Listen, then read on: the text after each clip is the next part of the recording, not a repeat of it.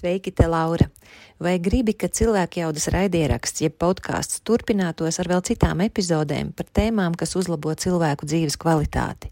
Ja jā, tad lūdzu palīdzi mums atrast cilvēku jaudas auditorijai piemērotus reklāmdevējus, kuri saprota, cik vērtīga būtu viņu sadarbība ar cilvēku jaudu.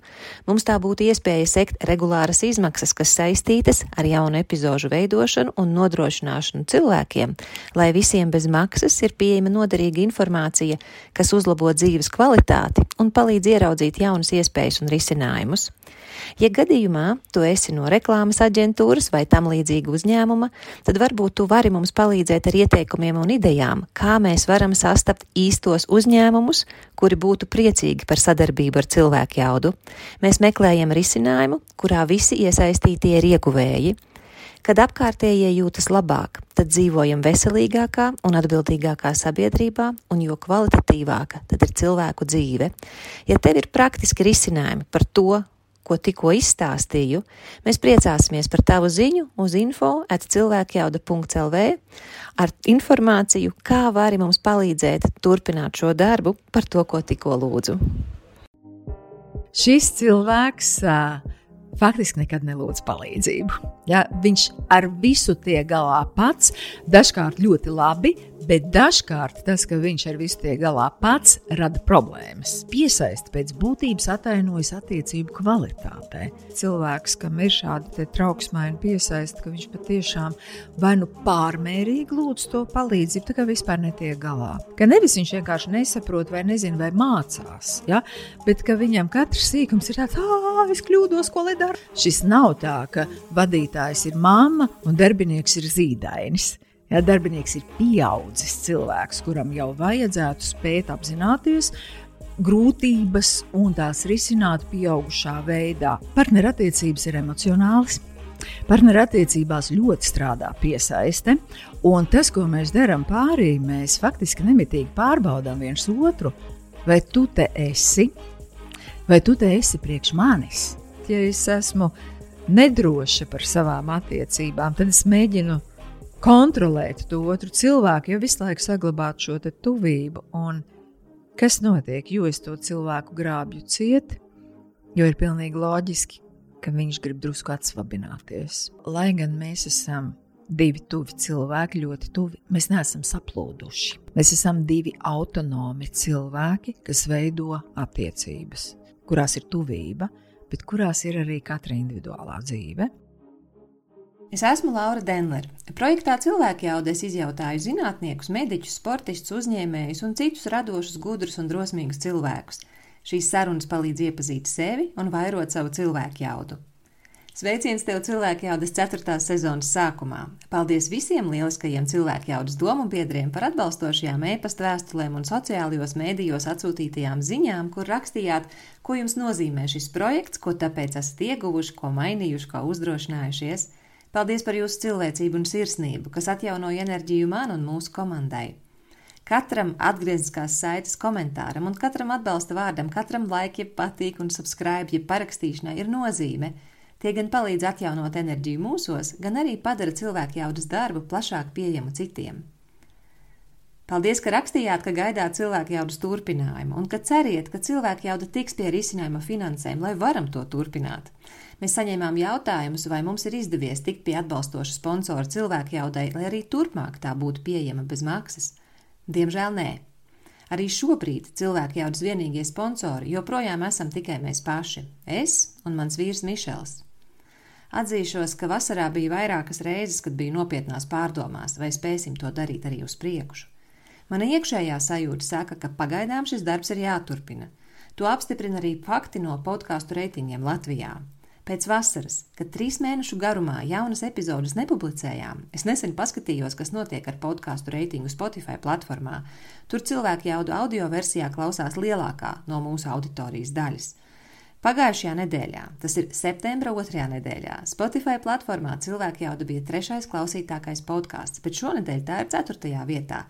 Un neskatoties uz to, ka vairāk nekā trīs mēnešus neko jaunu nepublicējām, Es domāju, tas ir iespaidīgs rezultāts, par kuru saku paldies jums, jaudīgajiem. Manuprāt, tas ir vispiemērotākais apzīmējums cilvēku jaudas faniem - jaudīgie. Nolēma uzticēties savai sajūtai un jūsu iedrošinājumiem, un abi ar vīru vienojāmies, ka ar mūsu finansējumu dosim cilvēkjaudai vēl vienu iespēju. Tā es augustā devos uz Latviju, kur ierakstījām desmit ar plusu jaunas epizodes. Šodien tu dzirdēsi pirmo no tām. Gan šīs epizodes noslēgumā, gan nākamajās epizodēs es tev jautāšu kaut ko konkrētu, ko izdarīt cilvēku jaudas labā, ja vien tu būsi uz to ar mieru. Lai cilvēku jauda turpinātos arī vēlāk, mums tās turpinājuma epizodes ir jāieraksta oktobra otrajā pusē. Tātad mums pa visiem jaudīgajiem kopā ir laiks apmēram līdz oktobra vidum, lai kopā izdomājam risinājumu, kā nodrošināt, ka cilvēku jauda ir vēl nākamās un tad nākamās jaunās epizodes. Bet tam ķersimies klāt nākamajā sarunā, kur lūkšu tev un citiem jaudīgajiem atbalstu ar idejām, jo šodien ir jaunās sezonas pirmā epizode un to ir vērts svinēt. Apmēram tā kā svinam mācību gada pirmo dienu. Ā, un starp citu, šīs epizodes noslēgumā es ieskicēšu, par ko būs nākamā epizode. Bet tagad foršu tev jaunās sezonas sākuma epizodes klausīšanos. Šodienas saruna cilvēkjaudā ir ar fenomenālu sievieti manā uztverē. Viņa ir zinātņu doktore kliniskajā psiholoģijā, viņa ir supervizors, viņa ir grāmatu autore, viņa strādā kā kognitīvu behaviorālās terapijas speciālists. Es pareizi pateicu, jā, jā. jā. viņa ir arī piecu bērnu mamma. Un, bet galvenais tiešām viņa ir fenomenāls cilvēks ar, manuprāt, ļoti neparastām darba spējām un ļoti arī drosmīga. Sauc lietas īstajos vārdos, apkārt daudz nečamdoties, netaustoties. Un tieši tāpēc es ceru, ka tēma, par ko mēs runāsim, būs tāda, ka pateicoties tavai tiešai runai, mums pieliks uzreiz. Un, uh, Diana, tā, tā lieta, par ko mēs runāsim, ir. Citiem varētu likties saistībā ar bērniem. Parasti to sasaist ar bērniem, bet tā kā mēs visi esam bijuši bērni, tas uz katru no mums attiecas, jo tas ietekmē, kā mēs izturamies uh, ar saviem mīļajiem cilvēkiem, kā mēs reaģējam ar saviem darba biedriem, kolēģiem, klientiem, uh, vispār kā mēs jūtamies sabiedrībā. Ja? Vai... Un kā mēs jūtamies paši par sevi arī. Paši par sevi. Nu, tad tev tagad jāsaka tas uh, maģiskais vārds, par ko mēs runāsim. Mēs runāsim šodien par piesaisti. Par piesaisti. Jā. Un parasti ar to saprotu drošā piesaiste.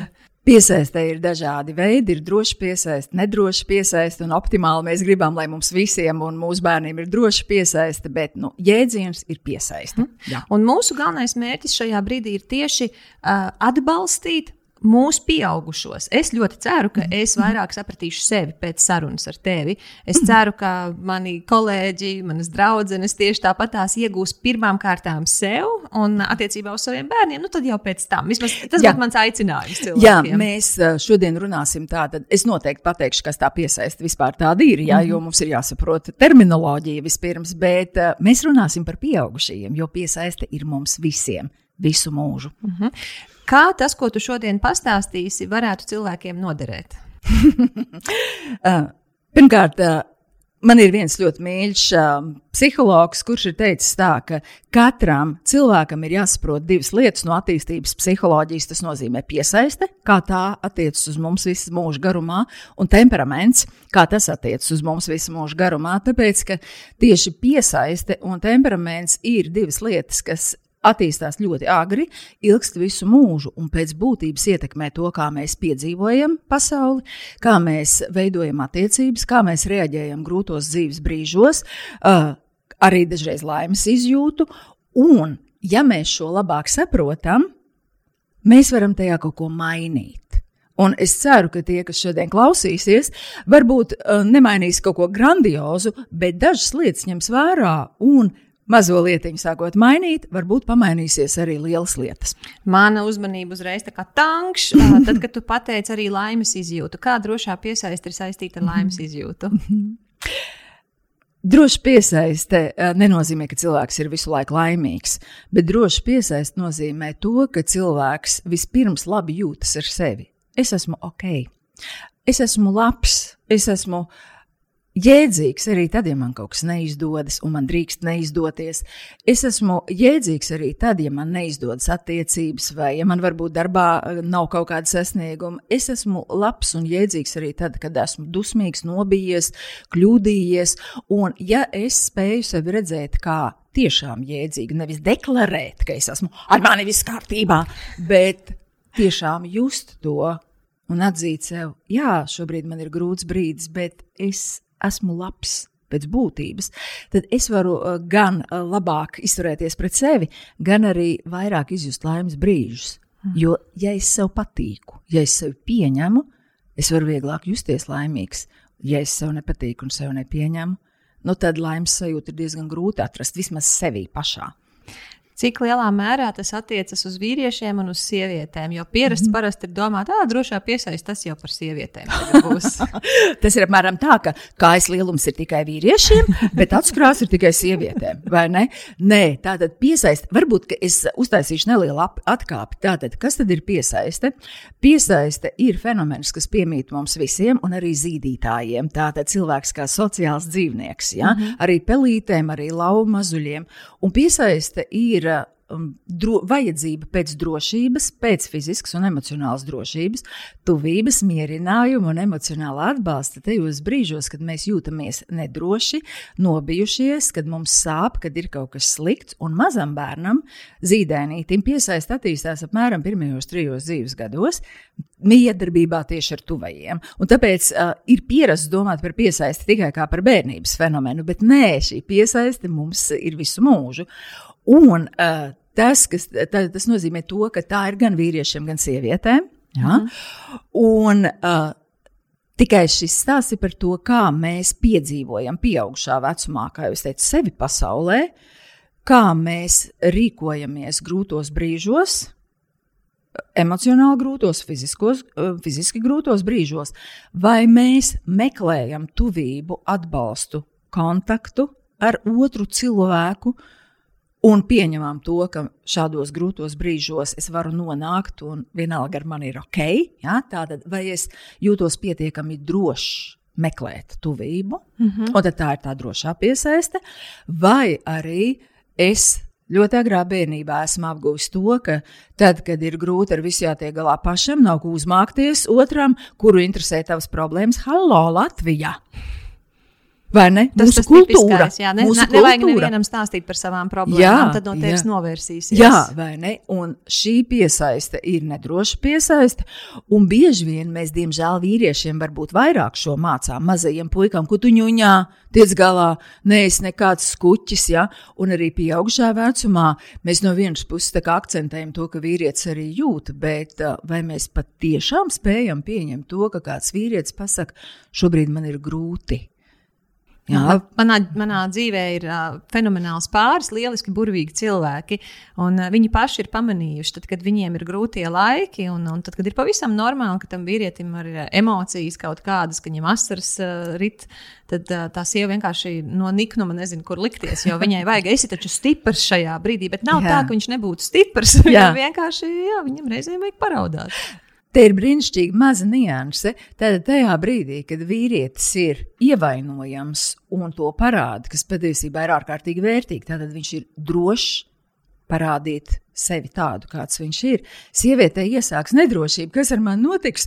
Viņš par mani nevar parūpēties. Un Man ir piemērs no manām attiecībām ar manu dzīves biedru. Mēs esam 27 gadus kopā, un pateicoties viņam, mana piesaiste ir ļoti mainījusies. No stipri nedrošas uz, es gribētu teikt, stipri drošu. Kad mums piedzima mūsu pirmais kopīgais bērns, mans ceturtais, tad uh, mums bija viena tāda epizode, kad viņš mazais Kārlis bija grozā, bija tā grozā, un mēs sēžam viens otram pretī, un pa vidu ir Kārlis. Juris skatās uz Kārlu un sāk raudāt. Un es tūlīt arī sākšu raudāt. Viņš sāk raudāt. Viņš saka, es esmu laimīgs. Un šie mirkļi ir tie, ir tie mirkļi, kuros mēs esam ļoti, ļoti kaili un ļoti, ļoti tuvu. Un tieši tas, ka vīrietis spēj būt tik pliks, tik ļoti uzticēties, tas man šķiet ir ārkārtīgi vērtīgi Jo vīrietis vispirms ir cilvēks. Un, ja viņš drīkst būt ievainojams, tad viņš drīkst un var, un pēc tam var būt arī spēcīgs. Un patiesībā arī sievietes. Mēs arī varam būt gan ievainojams, gan esam ārkārtīgi stipras. Tas, ka es raudu, vai tas man padara par vāju? Nē, tas Nē. parāda, cik daudz tev tā, tā situācija nozīmē, cik dziļi saviņota tu esi. Un, Jā. Un, man tas parāda arī to, ka tu esi ļoti spēcīga sieviete, jo tev jau nav problēma atnākt un šeit neraudāt. Bet tev vienkārši ir tā, es raudāšu, un īstenībā man ir vienalga, ko jūs par mani domāsiet. Nu, tā, jo, jo tā ir tava dāvana mums, nevis tas ir, kad, ah, oh, nekā Diānīte netiek ar, ar emocijām galā. Tas vispār nav tas Diāna lieliski tiek ar emocijām galā. Jā. Tā ir viņas dāvana mums. Jā. Tajā, ko tu stāstīji, es eh, redzu arī manu ģimeni, jo arī manam vīram ir tieši tāda pati reakcija. Viņš jau saka, es to izbaudu. Tad, kad man ir asaras, man patīk pamanīt, ka tas ir tik īpašs brīdis. Kā, uh, es vēl esmu tas cilvēks, kurš kā, nu, kautrējās kaut kur raudāt. Mm. Reizēm es pat mm. pamanu arī vīri klātbūtnē, kurš ir vispieņemošākais cilvēks, kādu es zinu. Bet mēs skatāmies kādu filmu, tur ir aizkustinošs brīdis, un es kā, nu, domāju, kāpēc es neraudātu, un es neraudu. Un viņš savukārt mierīgi ļauj asaras, lai, lai plūst. Viņš ir, tas taču ir tik skaists šis brīdis. Jā, jo patiesībā mūs vieno emocionāli brīži. Un te es gribu uzsvērt tādu lietu, ka partnerattiecības ir emocionāls. Ja mēs domājam par piesaisti, kas ir parasti veidojas starp galveno aprūpētāju un zīdainīti, ja, tad šis mazulītis veido tās attiecības ar vienu no saviem vecākiem, bet dažreiz arī ar abiem, diviem, ja viņi ir ļoti, ļoti intensīvi bērniņa dzīvē. Un viņš visu laiku mēģina panākt to, lai tā mamma vai tas tēvs vai, vai kāds no vecākiem būtu pieejams, lai būtu te, jo tad, kad tu esi te, tad man pasaulē ir droša vieta un jūra man ir līdz ceļiem. Tad ļoti līdzīgi mums ir arī pieaugšu attiecībās. Uh, partnerattiecības ir emocionālas Partnerattiecībās ļoti strādā piesaiste, un tas, ko mēs darām pārī, mēs faktiski nemitīgi pārbaudām viens otru. Vai tu te esi, vai tu te esi priekš manis, vai tu te esi priekš manis tādā veidā, kā man to šobrīd vajag? Un otrs jautājums, ko mēs, mēs neuzdodam to tieši, bet mēs to pārbaudām, un otrs ir, vai es tev esmu vajadzīgs? Un Kamēr mēs dabūjam to atbildi no otra viņa darbībā, ja viņa emocionālajās izpausmēs, viņa nu, kaut kādās pavisam ikdienišķos sīkumos, mums viss ir kārtībā. Mums ir pilsētā viss mierīgi, ja mans piesaistas cilvēks ir tepat. Bet, eh, ja rodas kāda pārāvuma attiecībās, piemēram, strīds, ja, tajā brīdī mums uzreiz ir. Drrr, mums ir galvā trauksme, ārpēc, ārpēc, ārpēc, es esmu pamests viens. Un tad ir tas, ka, ja man ir šī drošā piesaiste, es varu iet un teikt, man tevis šobrīd pietrūkst, man ļoti vajag, lai tu man apskauj. Vai man sāpināja tas, ka tu pateici, tev, tu nebūsi brīvdienās mājās, kaut gan mēs bijām vienojušies, ka tu būsi. Man tas ir sāpīgi, man, man vajag to ar tevi pārunāt. Ja es varu to pateikt, ja, un otrs man var dzirdēt, mēs atkal atjaunojam to tuvību. Bet diezgan bieži tas tā nav. Es pasaku, atkal tu nokavēji. Un tur ir un, iekšā tā pati vajadzība, bet jā, es viņu komunicēju šādi, jā, ja, caur brēcu, dusmām. Caur dusmām. Un bieži vien tas arī uh, veido tādu pāra negatīvo deju, ka tad, kad mums ir šis attiecību pārāvums, um, pavisam sīks vai lielāks, mēs nevis esam tik droši, lai pateiktu, man tevis trūkst, jo tas ir ļoti pliki. Tas ir ļoti drosmīgi pateikt, man tevis trūkst. Jo, ja tu man pateiksi, tiec galā pati, jā. Jā, tad viss, tad es būšu ciet. Un tāpēc mums ir vieglāk iet cīņā par to, kas man ir vajadzīgs. Un mēs ejam virsū. Kāpēc tu nebija? Tevis nekad nav. Tev vienmēr interesē tikai darbs. Patiesībā es šajos vārdos kliedzu, esi lūdzu ar mani. Un nu, ko dzird otrs? Otrs dzird, es esmu slikts es esmu slikts, man ir kaut kur jāpaslēpjas, jo, lai šī situācija neeskalētos un nebūtu vēl briesmīgāka, man fiks ir kaut kur jānoslēpjas, un tas otrs iet prom. Viņš iet prom, tas man ir signāls, ka mani pamet. Es eju virsū. Es kliedzu vēl nejaukāk. Es kliedzu vēl nejaukāk. Es kliedzu pēc būtības, paliec, tu man esi vajadzīgs. Un otrs mēģina aizvērt acis, man ir jāizdzīvo, lai šī situācija neeskalētos. Cik tipiski, vai ne? Cik Pārdējā. tipiski, un tad vēl, tad vēl nu, biežāk tas gan ir, pama, es esmu pamanījis no sievietēm, bet man laboja, tas tā nav. Ir tā, mm -hmm. kad uh, ir tas strīds, Un tad viņa, es varu teikt, arī es esmu tāda, mm -hmm. vēl, no, nu, ka viņa, es redzu, nesaprotu, vai ne? Mm -hmm. Nesaprotu, es mēģinu tā un šī un nesaprotu, un tur man liekas, vēl nejaukāks paliek otrā pusē, un tad ir tā, ka aizcēr durvis, vācies, tu vispār es tevi redzēt negribu, bet mm -hmm. iekšā ir, lūdzu, nāc caur tām durvīm, jā, tā kā tiec cauri tām manām bruņām, tie, nu, tā kā, mm -hmm. nu, parādi, ka es tev kaut ko nozīmēju, parādi, ka viss būs labi, bet mana rīcība, kā mans vīrs saka, tas ir viss pretējais. Pilnīgi pretējs es, es kādreiz teicu savam uh, dzīvesbiedram, es teicu, tad, kad es tev kliedzu, ej prom, nekādā gadījumā neej prom, un kad es saku, laid mani vaļā, tad turi mani cieši. Turi mani cieši, un iespējams es raudāšu un spirināšos, bet patiesībā man vajag sajust to, ka tu spēj izturēt to, ka man ir grūti. Un caur šo pieredzi uh, Es esmu iemācījusies, ka man vairs nevajag teikt, ej prom, un tur ir mani cieši. Es esmu iemācījusies uzreiz pateikt, man ļoti tevi vajag šobrīd. Jā. Bet, jā, tā kā mums ir bailes no atraidījuma, tad mums daudz vieglāk ir kliegtai projām. Mm -hmm. jā, bet tas vīrietis tak nesaprot. Nē, nu es arī vīram esmu šo visu izskaidrojis. Mēs pat kopā esam bijuši mācībās, kur mm -hmm. cilvēki to skaidro diezgan zinātniski. Mm -hmm. Viņš saka, es to visu saprotu, es ļoti cenšos to darīt. Bet ņemot vērā, kāda jūs sievietes reizēm esat dēmoni, to ļoti grūti tajā brīdī atcerēties. Jo viņš saka, man liekas, ka man tūlīt nograuzīs. Tā.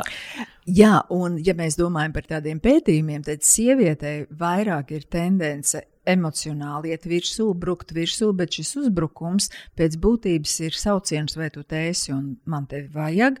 Un vīriešiem vairāk ir tendence būt tiem, kas iet projām, tā kā lai nomierinātu situāciju, lai neeskalētu to vēl vairāk. Bet ko darām mēs? Ne? Mēs viņus saucam par gļēvuļiem. Tu domā, ka tu šī tā izvairīsies? Ja? Jā. Jā, un tad, ja es skatos kā terapeits, kas strādā ar pāriem daudz, tad es mācu tam no pāra, dažreiz ir otrādi, dažreiz vīrietis ir tas, kas iet virsū un, un neliek mieru. Ja, un tai sievietei vajag vienkārši drusku telpu, lai nomierinātos kaut vai. Tad tam, kurš iet virsū, ir liels darbs trenēt sevi pašam izturēt tajā brīdī, kad nav izturams. Pašam sevi samīļot un teikt, es varu nomierināties un iedot otram telpu, un savukārt tam, kurš grib iet projām, jā, lai, lai neeskalētu situāciju, trenēties. Es varu palikt šeit, nebeigt prom un teikt, man rūp Es vienkārši šobrīd man vajag drusku paklusēt, vai arī man rūp, bet man vajag piecu minūšu pauzi, vai mēs varam pēc piecām minūtēm atgriezties, jo mums abiem vajag nomierināties. Klusētājs bieži vien ļoti intensīvi iekšā pārdzīvo. Mm -hmm. Bļāvējs intensīvi laiž zāru. Ja? Abi divi dara līdzīgas lietas, tikai viens ļoti jaudīgu zāru, otrs ļoti jaudīgu ziekšu. Ja tā ir laba lieta, ko paturēt prātā, tas, kurš kliedz, viņš, lai cik riebeklības sarunātu, viņš patiesībā kliedz pasaki, ka tu man mīli, ka es esmu tev Jā. svarīgs. Bet, Diana, Jā. tagad mēs bišķiņi pieskārāmies nelielai, nelielai tādai situācijai no pāra dzīves. Tagad mhm. pārcelsimies mazliet uz darba dzīvi. Um, Jo mēs vēl pat neesam izskaidrojuši par to piesaisti. Tu neesi mm -hmm. izstāstījis, to mēs tūlīt darīsim. Bet mm -hmm. uh, darba dzīvē, nu, teiksim, tāda tipiska lieta, ko es dzirdu no uh, priekšniekiem, no vadītājiem, no arī uzņēmumu īpašniekiem, ka viņi saka, nu, tas ir kā vadīt bērnu dārzu. ja, kad man tur vajadzēs tur auklēties ar vienu, ar otru, tā viņi tur savā starpā kaut ko sakasās, tad, tad viens uz otru apvainojās, tad uz mani apvainojās. Kā šīs situācijas ir saistītas, vai tās ir arī drošās piesaistes problēmas? nu, mēs piesaistām, sev līdzi tieši tāpat kā temperamenta aspektus, tieši tāpat kā kāju, jā, pēdu, un jā. tieši tāpat kā acis. Jā, nu, visu, kas mums ir, mēs nesam līdzi. Mēs neatstājam savas personības iezīmes mājās, kad ejam uz darbu. Un es tiešām piekrītu tiem vadītājiem, kuri ir ievērojuši, ka kolektīva vadīšana bieži vien līdzinās savā veidā kā mazuļu vadīšana vadīšanai.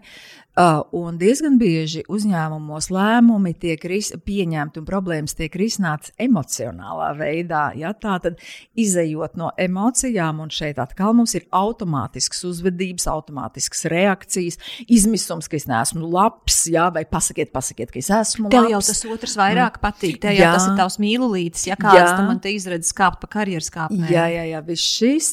Un ka ir ļoti svarīgi, ka tad, kad mēs esam darba vidē, saprast to, ka šeit es nāku nevis veidot Ģimeni. ļoti ģimeni, jā, ļoti siltas attiecības, kurās mani mīlēs, pieņems un lolos. Šeit es nāku uh, veidot kopīgus mērķus, un tie pat nav mani privāti mērķi.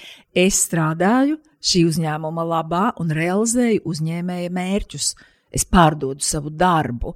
Nevis atnāku šeit draudzēties, ja, vai, vai justies absolūti mīlēts. Bet es uzreiz gribu teikt arī tādu atkāpi, ka, protams, ir arī tā otra puse, ka šobrīd organizāciju uh, psiholoģija ļoti runā par to, ka, protams, arī uzņēmumam ir jārūpējas, lai darbinieki justos labi uh, un lai vide būtu draudzīga. Un, protams, šie, ir ļoti jārūpējas, lai nebūtu mobbings, lai būtu jēdzīgas savstarpējās attiecības. Bet katrā ziņā šis nav tā, ka vadītājs ir mamma un darbinieks ir zīdainis.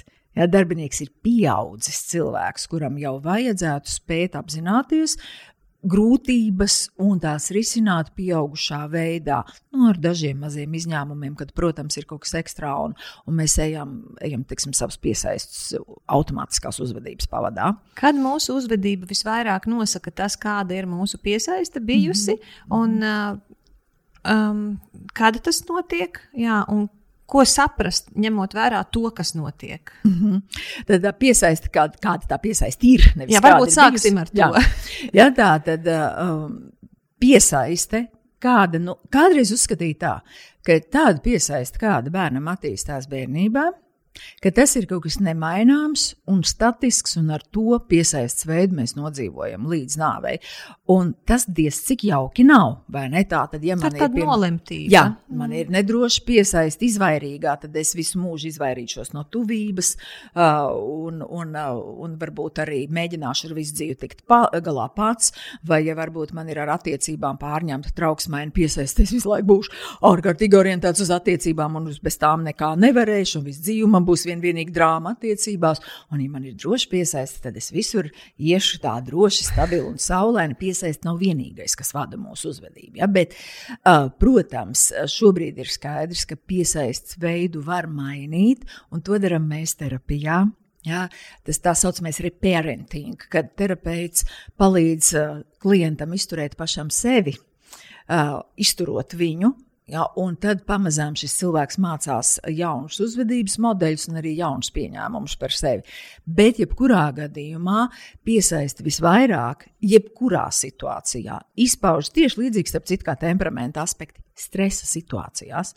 Kamēr mēs esam mierā, kamēr viss ir kārtībā, es vidi kontrolēju, es jūtos droša darbā, piemēram, man uh, ir jāizdara darbs, kur es zinu, kā. Es, man ir pietiekams laika resurss, tam man ir kolēģu atbalsts. Tā tad es saprotu, ka man darbs ir jāizdara četrās stundās. Es to varu izdarīt četrās stundās, varbūt piecās, bet man ir astoņas stundas. Nav nekādu šķēršļu, ja es varu to izdarīt. Bet, ja man ir situācija, ka man darbs, bija jā, kas bija jāizdara četrās stundās, pēkšņi ir jāiespiež stundā, uh, tas vien jau var izraisīt šo satricinājumu, emocionālo satricinājumu. Bet, ja arī, arī man nav atbalsts no kolēģiem, tad uh, ļoti aktualizējas piesaists uzvedība. Ja? Un ko es daru? Tātad, ja man ir šī drošā piesaiste, es vairāk orientēšos uz to, ka es teikšu, tā, man ir ziepes, es atklāšu tos, es atzīšu to grūtību. Uh, Nepa, nekaisot sev pelnus uz galvas. Es neesmu slikts, tāpēc vienkārši tāda ir situācija. Un es iešu lūkšu palīdzību. Es organizēšu apkārt ap sevi atbalsta komandu, kas mani palīdz. Tātad palīdzības lūkšana ir spēka pazīme un drošas piesaistes pazīme. Un mēs ticamāk atrisināsim šo problēmu. Savukārt, ja man ir nedroša piesaiste, kas uh, nedroša, tāda izvairīga, es ar visu mēģinu tikt galā pats, es varu ārprātā mobilizēties un iespējams arī to darbu izdarīt, bet ilgtermiņā šis ir nenormāli neveselīgi. Ne? Uh, un pēc tam iespējams es sabrūku. Savukārt, ja man ir šī ar attiecībām pārņemtā šī trauksmēnā piesaiste, iespējams es vispār sabrūku un nespēja izdarīt neko, ja, un tad rezultāts netiek sasniegts. Protams, šis nav vienīgais, kādēļ mēs varam vai nevaram izdarīt kādu darbu. Ja nevajag tagad kļūt par piesaistes diagnostiem. Bet tomēr, ja veids, kā mēs reaģējam stresā, parasti ir ļoti līdzīgs. Uh, piemēram, es stresā apjūku. Es tāpēc parasti saku tā, ka es varu izdarīt ārkārtīgi daudz, bet es nefunkcionēju pēdējā brīdī. Ja, es tāpēc daru laicīgi, un laicīgi es piesaistīšu resursus, palīdzību un tā tālāk.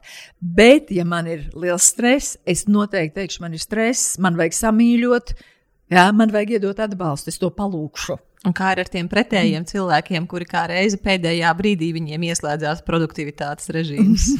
Droši vien to nevarētu saistīt ar piesaisti, ja, bet varbūt tas ir, ka ir cilvēki, kuriem ir vajadzīgs noteikts stresa līmenis, lai viņi varētu mobilizēties un strādāt labi.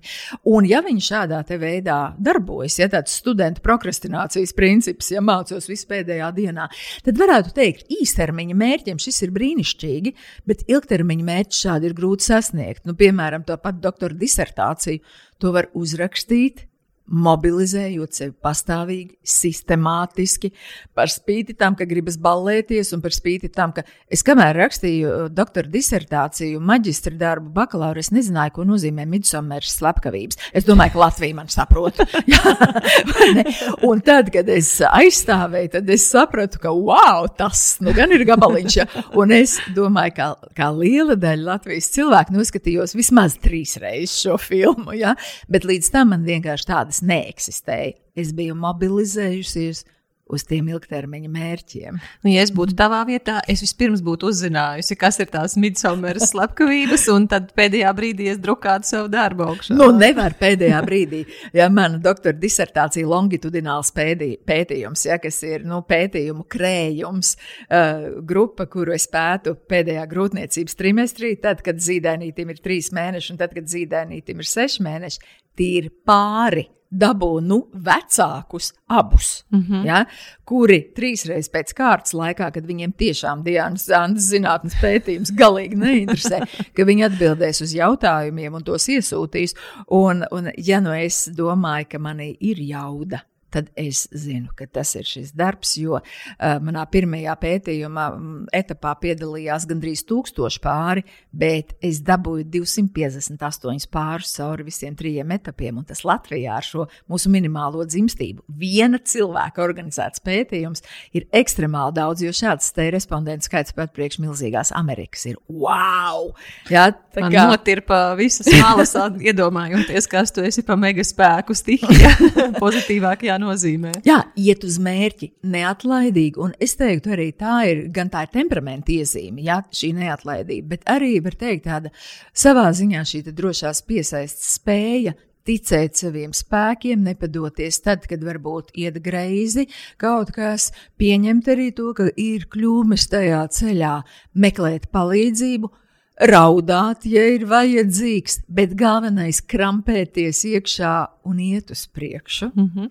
Diana, vai tu vari aprakstīt, kādas ir tās piesaistes un kā mm -hmm. cilvēkos tās izpaužas?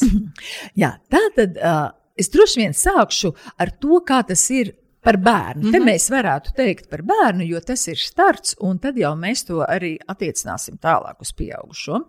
Tad uh, vispirms Džons Balbijs, uh, kurš izveidoja šo te, uh, piesaistes teoriju un vēlāk attīstīja Mērija Ensvorta, domājot par pieaugušajiem, uh, viņš vēroja Hārlovu pētījumus ar maka, reizus makakiem, reizus pērtiķīšiem, jo tajā laikā, 60. gadu, 70. gadu mijā, vispār pastāvēja uzskats, ka bērnam viss, kas viņam ir vajadzīgs, ir vajadzīgs siltums, sausums, uzturs tātad laba aprūpe.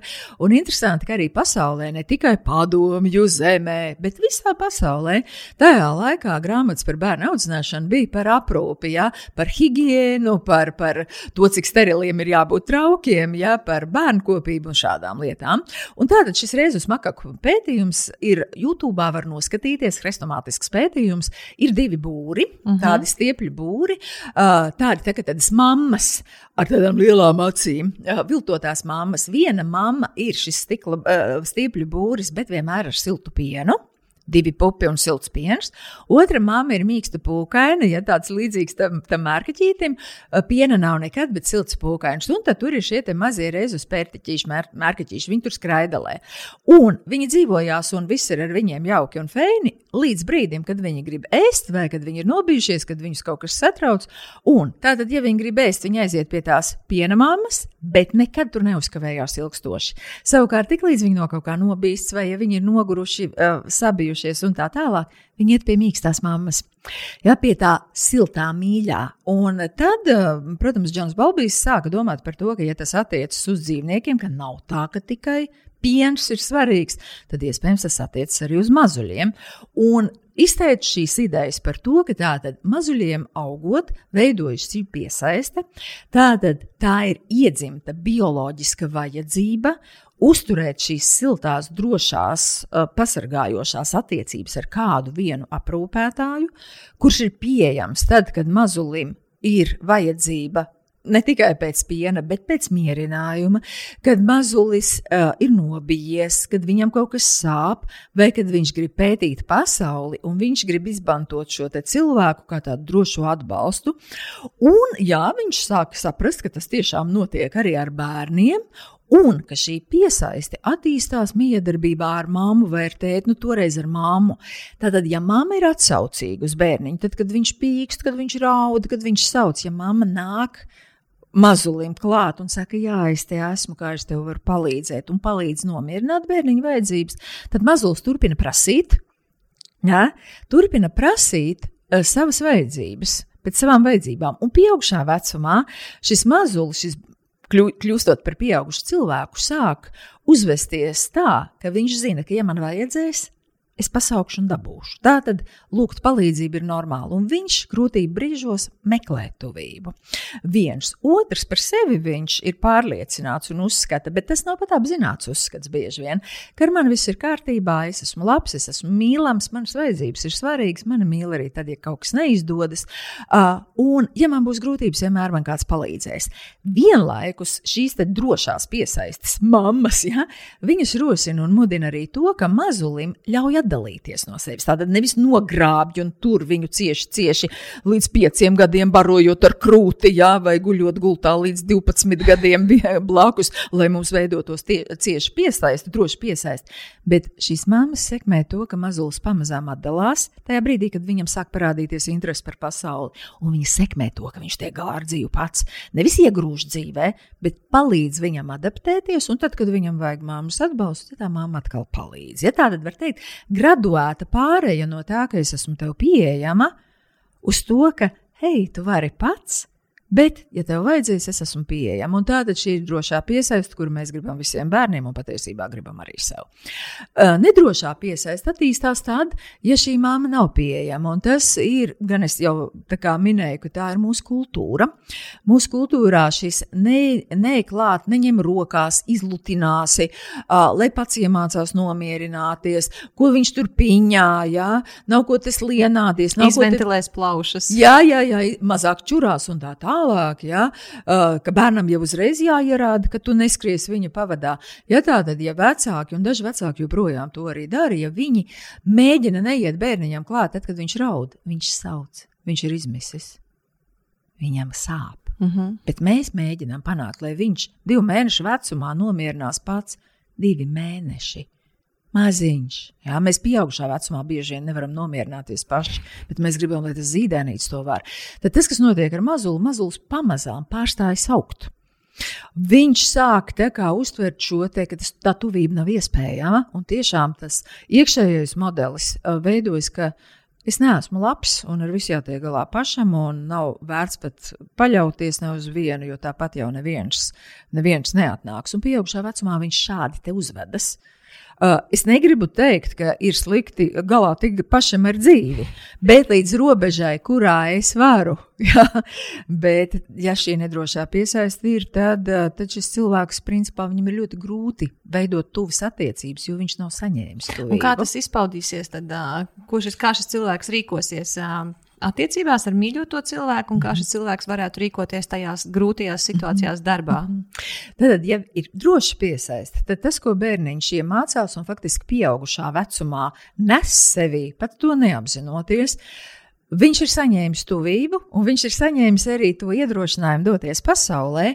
Un šis cilvēks pieaugušā vecumā spēja labi justies ar tuvību, tātad pieņemt rūpes, Man ir normāli, ka par mani parūpējas. Šī ir ļoti svarīga lieta. Šis ir piesaistīts rādītājs, vai es spēju pieņemt palīdzību un rūpes par sevi.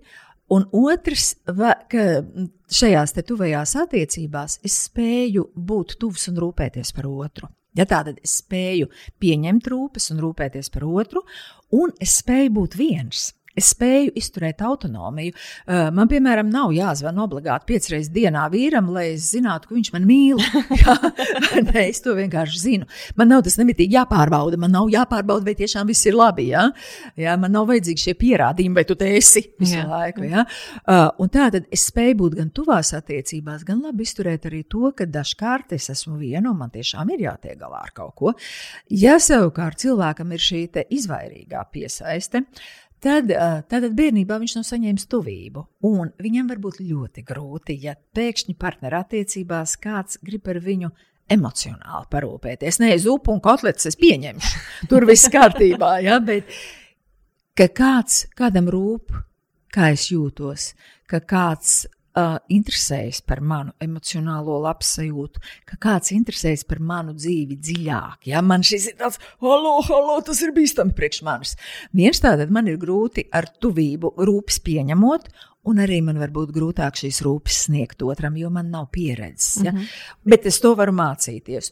Un uh, kritiskās situācijās man ir tendence nevis lūgt palīdzību, bet ar visu tikt galā pašam. Un vēlreiz uzsver, dažreiz tas ir labi, bet dažreiz šī mē, šie mēģinājumi tikt galā ar visu pašam pēc būtības mūs noved pie graujoša rezultāta. Mm -hmm. Jā, un tad vēl ir trešais piesaists veids, tad, ja vecāki bērnībā ir bijuši ļoti nekonsekventi, tad bērns nekad nav paredz, nevar paredzēt, vai mamma teica, pienāks, kad mazulis raudās un būs mīļš un atsaucīgs, vai teiks, nu, ko tu te piņā?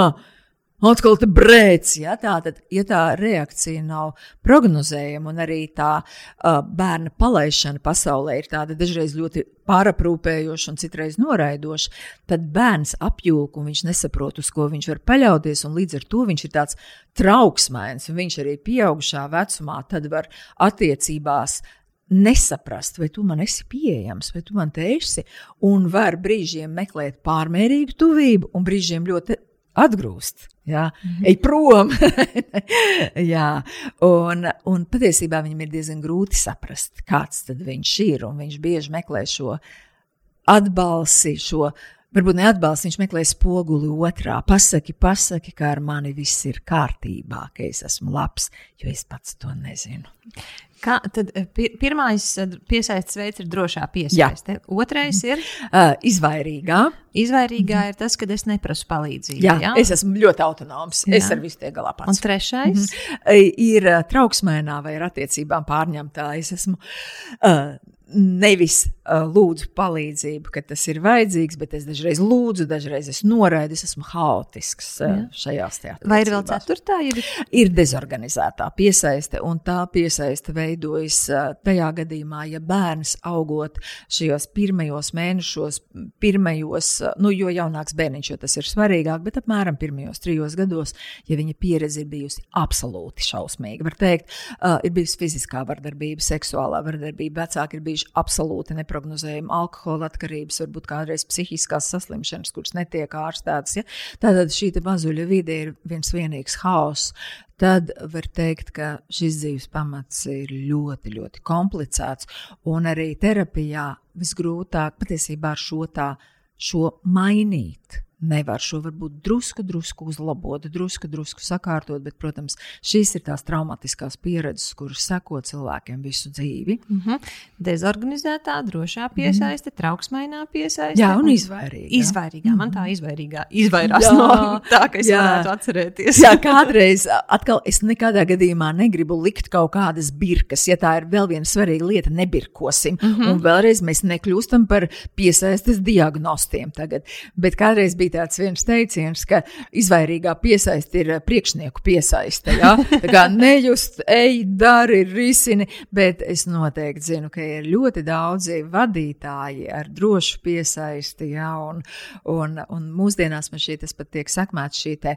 Uh, paralēlā hierarhija darbā, ja nevis vertikālā hierarhija, kur mēs, nu, zviedru modelis pēc būtības, kur mēs esam sadarbīgi, kur mēs varam būt gan tuvi attiecībās, bet vienlaikus ar ļoti konkrētiem darba uzdevumiem, kas ir jāveic.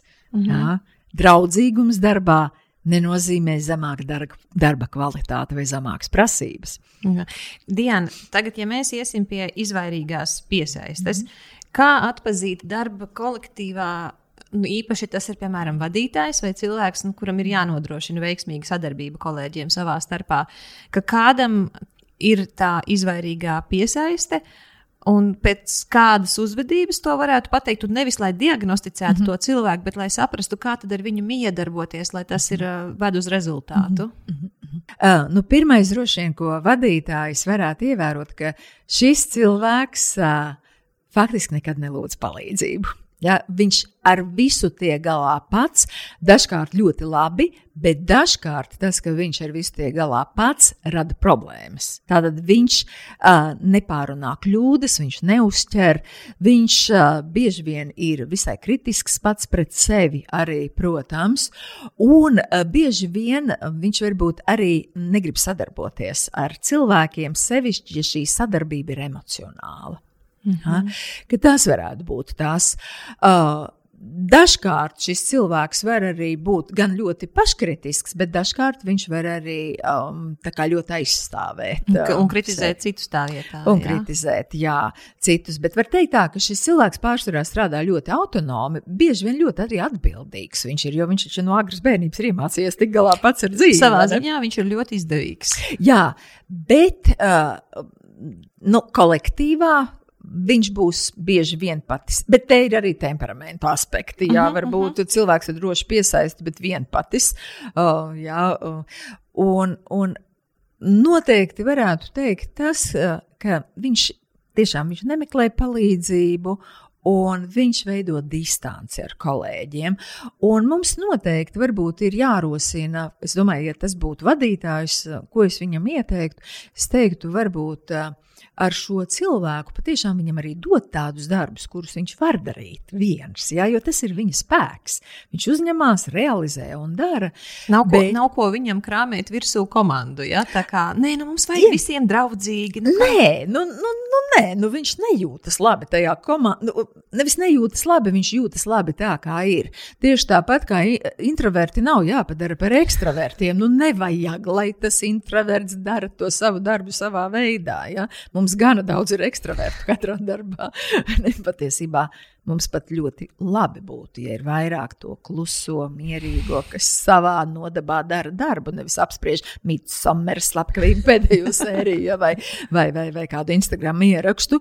Ja, bet tāda, tas, ko varbūt es rosinātu kā vadītājam, biežāk uzrunāt šo cilvēku un pārunāt cilvēciskā veidā uh, viņa panākumus vai varbūt viņa grūtības, viņa kļūmes, respektīvi parādīt to, ka cilvēciska komunikācija var būt sakarīga, laba un droša. Mm -hmm. Ja. Es esmu novērojis, tad, kad mums komandā ir tādi nu, lieli pasākumi, kur darba ir ļoti daudz, tāpēc ka tas ir īsāks brīdis, bet ārkārtīgi intensīvs. Mēs ļoti priecājamies par katru. Uh, cītīgi darošo cilvēku, bet tad, kad gadās iespējams šis tips, es nezinu, vai tie ir, es neesmu diagnostiķis šajā sakarā, Mūs ļoti baida, ja ir cilvēki, kas nevar palūgt palīdzību, viņi dara ļoti labi, bet tad, kad tāds cilvēks plīst, tas maksā Jā. ļoti daudz pārējiem, jo tad viņu resursi ir jāpārorganizē un viņiem tā kā sanāk vēl lielāka slodze. Un, lai vai cik mēs esam, piemēram, runājuši, tev vajag palīdzību, saki un saki laicīgi, mhm. jā, jā, es darīšu, un tas mhm. nenotiek. Un, un nav, mhm. ja arī paprasa tā, ka viņu nevar sadzirdēt. Jā. Un tad, kad pēc tam mēs sakām, kāpēc neprasīja palīdzību, Es prasīju, neviens mani nedzirdēja. Mm -hmm. tad, tad, ko šādam cilvēkam jāzina par sevi un ko viņa mm -hmm. apkārtējiem ir jāzina par viņu? Mm -hmm. nu, noteikti tas, ka, ja man bērnībā iemācīja, ka ar visu jātiek galā pašam, tad uh, atcerieties to, ka zobus mēs paši sev nelabojam. Paldies Dievam! Apendiksu neoperējam. Jā, un arī darbā ir lietas, ko mēs nevaram izdarīt no A līdz Z paši, un tas ir normāli, tāpēc jau eksistē komandas. Un tātad, ja es pārkāpju savas bailes, nedrošību, lūgt palīdzību, tad pirmkārt, jo bieži vien šie cilvēki domā arī par citiem, pirmkārt es daru labu uzņēmumam. Tas ir labs darbs. Lūgt palīdzību, ja, jo tad mans darbs būs izdarīts vēl labāk. Otrs, šī ir mana personiskā izaugsme. Jo tad, kad es palūdzu palīdzību, es ļauju citiem redzēt sevi kā cilvēku, es ļauju citiem man palīdzēt, citi grib man palīdzēt. Jā, tas, man liekas, ir tas, kas tieši pietrūkst, ko es iešu apgrūtināt, jo tu arī nevari zināt, ka tas citiem ir apgrūtinājums. Jā, dažkārt tas ir apgrūtinājums, protams, uh, protams vai ne, bet uh, tā ir sadarbība. Tā ir sadarbība, un vēlreiz uzsver, pārsvarā šie cilvēki reti lūdz palīdzību. Uh, es ieteiktu, noteikti ļoti precīzi pārunāt, kur ir tie brīži, kad tā palīdzība ir jājūt, uh, jāprasa. Tātad nevis nāc prasa mums palīdzību, bet tajā brīdī, kad tu pie kādas problēmas apstājies, iestrēgst un sāc par viņu domāt ilgāk nekā noteiktu laiku, tad tas ir signāls, ka uh, vajag piesaistīt kādu. Un tad nāc un prasa palīdzību. Mm -hmm kam tu vari iet prasīt palīdzību, ir nākamais. Tad, uh, par ko es atbildu, kam es atbildu un kas man aizvieto uzņēmumā? Jā, ļoti labi jautājumi. Jā, jo tas, kurš man aizvieto, ir mans sadarbības partneris. Viņš mm -hmm. arī mhm. kaut ko zina. Jā, jo mm -hmm. tieši tas, ko tu teici, ja šie cilvēki noplīst, lielie dižanie atomu kuģi, jā, jā. tad Tad kas notiek ar pārējiem? Viņi vienkārši nespēja pārņemt tos darbus, jo viņi nesaprot, kas tur ir noticis. Ja? Tātad šī sadarbība, ka tu dalies ar savu darbu, prasi arī, arī atbalstu un informē pārējos par to, ko tu dari, tas palīdz kuģim labāk iet uz priekšu. Tas ir izdevīgi. Un tad vadītājs tagad šo saprot no tevis mm -hmm. un saka, ok, es zinu, manā kolektīvā tas un tas cilvēks ir tieši tā, kā mm -hmm. Diana apraksta. Un viņš tagad aiziet un saka, nu, tad, kad tu tur jau divas stundas esi iestrēdzis tajā mm -hmm. darbā, tu nāc pie manis un prasi, vai ir vēl kaut kas, ko šāds vadītājs var darīt, lai nodrošinātos, ka šī cilvēka tas piesaistes veids, kuru stresa situācijā tas cilvēks nepamanīs pats, nesapratīs, jo tas arī kaut kādu laiku prasa, kamēr mēs sevi iepazīstam attīstam un mm. iemācāmies sevi atbalstīt. Ko vadītājs vēl var darīt, lai novērstu iespējamo uh, katastrofu, ka tas mm -hmm. cilvēks vai nu nobrūk, vai kā, jo reizēm ir, varbūt tās es kļūdos, bet man šķiet, ka šī tipa cilvēki varētu būt tādi, kas. Viņš neprasa palīdzību, neprasa. Viņš domā, ka viņš tiks galā. Viņš domā mm -hmm. līdz pēdējiem brīdim, ka viņš tiks galā, un tad viss, un tad viņš vairs netiek galā. Un tad viņš varbūt pat vienkārši tā kā kā lai saka, nu, atkrīt, atkrīt pavisam. Ko jūs gribējāt? Nu, es, tas taču nav reāli ar to tikt galā. Ja viņš pārstāja varbūt pat reaģēt uz zvaniem vai kaut ko tādu. Precīzi, ja viņš var aiziet projām. Viņš labi jūtas ar autonomiju. Es eju projām, es eju prom no darba, es eju prom no attiecībām. Ja? Man ir pagrūti, es nesaprotu, ko darīt. Uh, Viens, es domāju, šeit ir tāds tā profilaktiskais darbs. Tad vadītājs, es iztēlojos vadītāju uzņēmumā, kurā ir tūkstoši darbinieku. Hallo! Jā, bet nu labi, mums katram ir mazāk padoto. Ka pirmkārt, uzteikt katru gadījumu, kad šis cilvēks ir lūdzis palīdzību. Teikt, paldies! Tas ir ļoti svarīgi, ka tu nāc un konsultējies. Tas ir brīnišķīgi, ka tu atnāc tik ātri, jo mēs uzreiz varējām apspriest, un mēs varējām atrast labāku risinājumu. Paldies! Tu mums palīdzēji labāk saprast šo problēmu. Ja tā tad parādīt, ka tas rullē, ja? mm -hmm. palīdzības meklēšana rullē. Nākamais iet un Atkal es saprotu, es dzirdu, ko es saku. Vadītājam nav laika ar katru dziļi aprunāties. Un tomēr, ja man ir šāds cilvēks un šāda pieredze, ja, kurš izvairās uh, meklēt palīdzību, ja es jūtu, ka es ilgāku laiku viņam ir uzdevums, un es ilgāku laiku no viņa neko neesmu dzirdējis, es eju un pats prasu, kā tev iet. Kā tev iet ar šo darbu? Pastāsti, kas tev izdodas, kas ir tas, kur tev šķiet viss ir labi, un kur ir šobrīd vājie punkti. Nevis vai tev nevajag palīdzību, nē, nē, nē, man nevajag. Kur ir vājie punkti? Kur ir varbūt kāds punkts, kur tu drusku strēksti vai domā? Tātad es jautāju. Mm -hmm. Es un jautāju nevis kā pārmetumu, bet jautāju, kā lai ka es interesējos par Jā. tevi, jo es novērtēju tavu darbu, tāpēc es gribu zināt. Ja? Jā, un faktiski es lūdzu tavu palīdzību. Tad es, es Jā. pavēršu to situāciju, it kā es lūdzu tavu palīdzību. Jā, jo uzņēmumam ir šis svarīgi, ja, ka es lūdzu tavu palīdzību, parādi, kas šeit šajā darbā ir tas grūtais, lai es vispār ņemtu vērā to, jo citādi es to nezinu. Mm -hmm. Un tagad, ja mēs pārējām ar šo pašu tipu uz uh, privātajām attiecībām, mm -hmm. uz, uz, piemēram, uz ģimeni, uz diviem mīlošiem cilvēkiem. Mm -hmm. uh, es minēšu piemēru, tu saki, ir tā vai nav. Mm -hmm. Ir sievietes, ar kurām man ir bijusi saskarsme, kuras saka, es visu dabūnu darīt pati. Mm -hmm. un, un, ja jautā viņu partneriem, tad viņi jau man nepateica. Un tad viņi saka, nē, es teicu. Bet viņš, nē, es nesapratu, ka tu teici. Un tas mm -hmm. nav mhm. tā, ka tas cilvēks negribētu palīdzēt. Mm -hmm. nu, tiešām, mm -hmm. tad, kad es šos cilvēkus novēroju tādā viņu saskarsmē, tad man tiešām gribas teikt, pat es nesaprastu, ka tā bija palīdzības prasīšana. Mm -hmm. kā, kā izpaužās šī izvairīgā piesaiste ģimenes attiecībās, mm -hmm. kur tā ir traucējoša un ko darīt? Varbūt jāatšķirās vīriešiem un sievietēm, vai ir viens un tas pats. Uh, varbūt atšķiras tā, tā kā lomu modeļi, ko vīrietis iemācās uh, ģimenē augot, un ko sieviete iemācās, jo mēs tomēr kopējam savus vecākus, bet atkal šie lomu modeļi ir ārkārtīgi unikāli, jā, un nav, jo vīrieši nepie, nepie, puikas neaug noteikti tipa ģimenēs, un meitenes neaug cita noteikti tipa ģimenēs, bet uh, tad tas ir tas, jā, ko viņi iemācās par attiecībām, un šeit būs ne jau tikai piesaisti vispār par modeļiem, kurš mājās mazgā traukus. Un tas nav par piesaisti. Tas ir vienkārši par to, kurš mājās mazgā traukus. Bet te es gribu drusciņi taisīt tādu tiltiņu atpakaļ. Uh, cilvēkiem ar drošu piesaisti, attiecības veidojot, uh, tas nav tā, ka viņš redz pasauli kā rožainu, un ka viss ir super, un ka viņš tagad kritīs jebkurās attiecībās.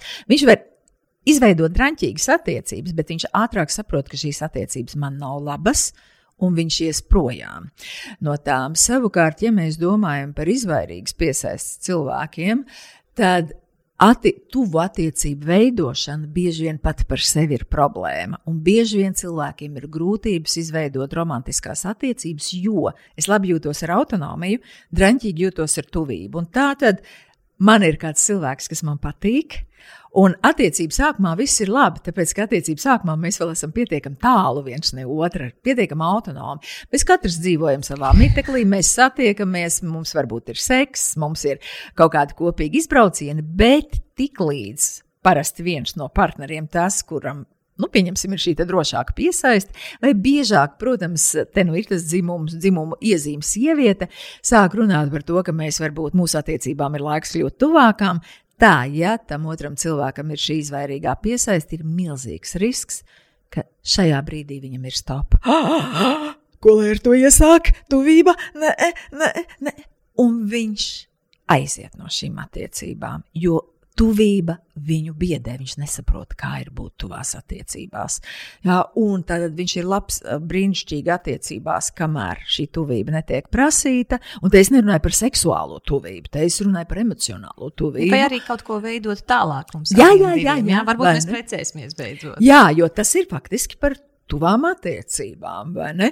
Tad šim cilvēkam ir tendence iet projām. Un tas var būt, protams, vienās attiecībās vai divās, bet ja šī tendence ir regulāra, mm -hmm. tad tipiski šie cilvēki veido attiecības ar līdzīgiem cilvēkiem, kuri mēs satiekamies, mums ir kaut kādas kopīgas nodarbes, uh, un, uh, bet mēs neesam tuvi vai arī ģimenes dzīvē. Mēs dzīvojam kopā, bet emocionālā tuvības ar mums īsti nav. Bet tas nenozīmē, ka mēs neesam saimnieciski laba komanda.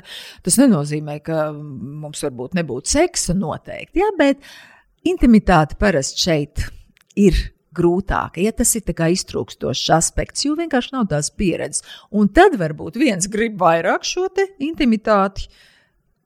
Tuk, tuk, tuk, vai tu tur esi? Jā, bet otrs saka, es nezinu.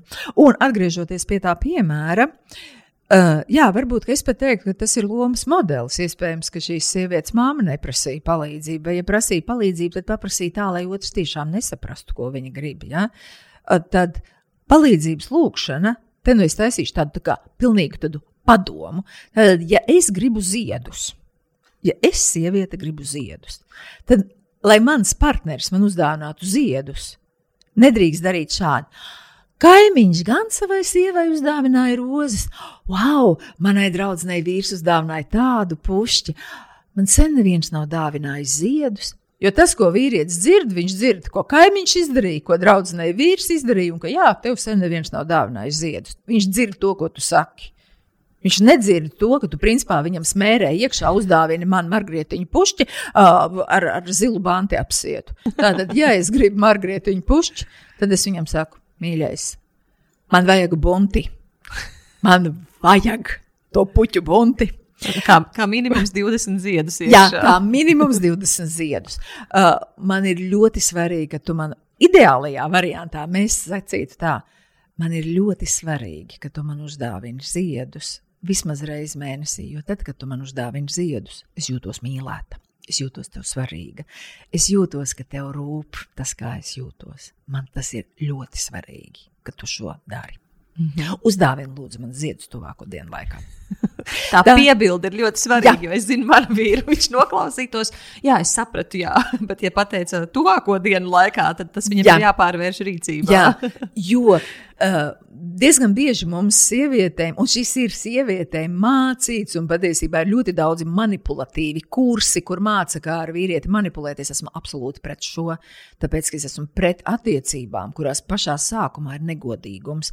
Tas ir tuvākās attiecības manā dzīvē, kurās es meloju, un to vīrieti tīno ap pirkstu ārprāts, jā. drausmas. Jā. Ja? Nu, te ir nedroši piesaist, jo droši piesaist šitā nedarīs. Ja? Bet tātad uh, sievietēm bieži tā izjūta, ka, ja tu mani mīli, tad tu jūti, ko tu uzminēsi. Tu uzminēsi jā. Tas nekas, ka es pat nezinu, ko es gribu. Tur tā lieta. Un tad es saku, tas vīrietis, viņš tevi mīl. Uh, tu viņam esi svarīgi, bet viņš nespēja just, vai tev šobrīd vajag, lai, lai viņš iznes miskasti vai lai uzdāvina rozes. viņš to nesaprot. Ja? Tāpēc ļoti vienkārši ir pateikt, lūdzu, iznes miskasti. Lūdzu, iznes to tuvāko desmit minūšu laikā. Mm -hmm. Viss, un viņš iznesīs. Es dzirdu, ka sieviete saka, jā, bet vīrietis jau nav bērns, viņam visu laiku. Es neteicu visu laiku, bet ja man kaut kas ir svarīgs, tad es viņam to pasaku. Ļoti precīzi. Nevis. Mēs sen nekur neesam bijuši, bet klau, es gribu uh, tuvākās nedēļas laikā vienu vakaru atlicināt mūsu attiecībām. Mēs tiešām sen nekur neesam bijuši. Mēs varam tagad paņemt plānotāju un apstīties, kurā vakarā mēs iziesim. Mm -hmm. Nolemjam tagad. Ja tā, tad es uzreiz ķeros vērsim pie ragiem. Un šī ir drošas piesaistes uzvedība. Es eju un lūdzu to, kas man ir vajadzīgs. Un zinu, ka dažreiz es nedabūšu to, kas man ir vajadzīgs. Jo varbūt otrs cilvēks teiks, zini, es nevaru tagad, es braucu nākamā nedēļā komandējumā. Labi, viss atšuvos, uh, kad tu atgriezies. Ņemam plānotāju, pēc atgriešanās, kad. Ja? Tātad es turpinu prasīt to, kas man ir svarīgs.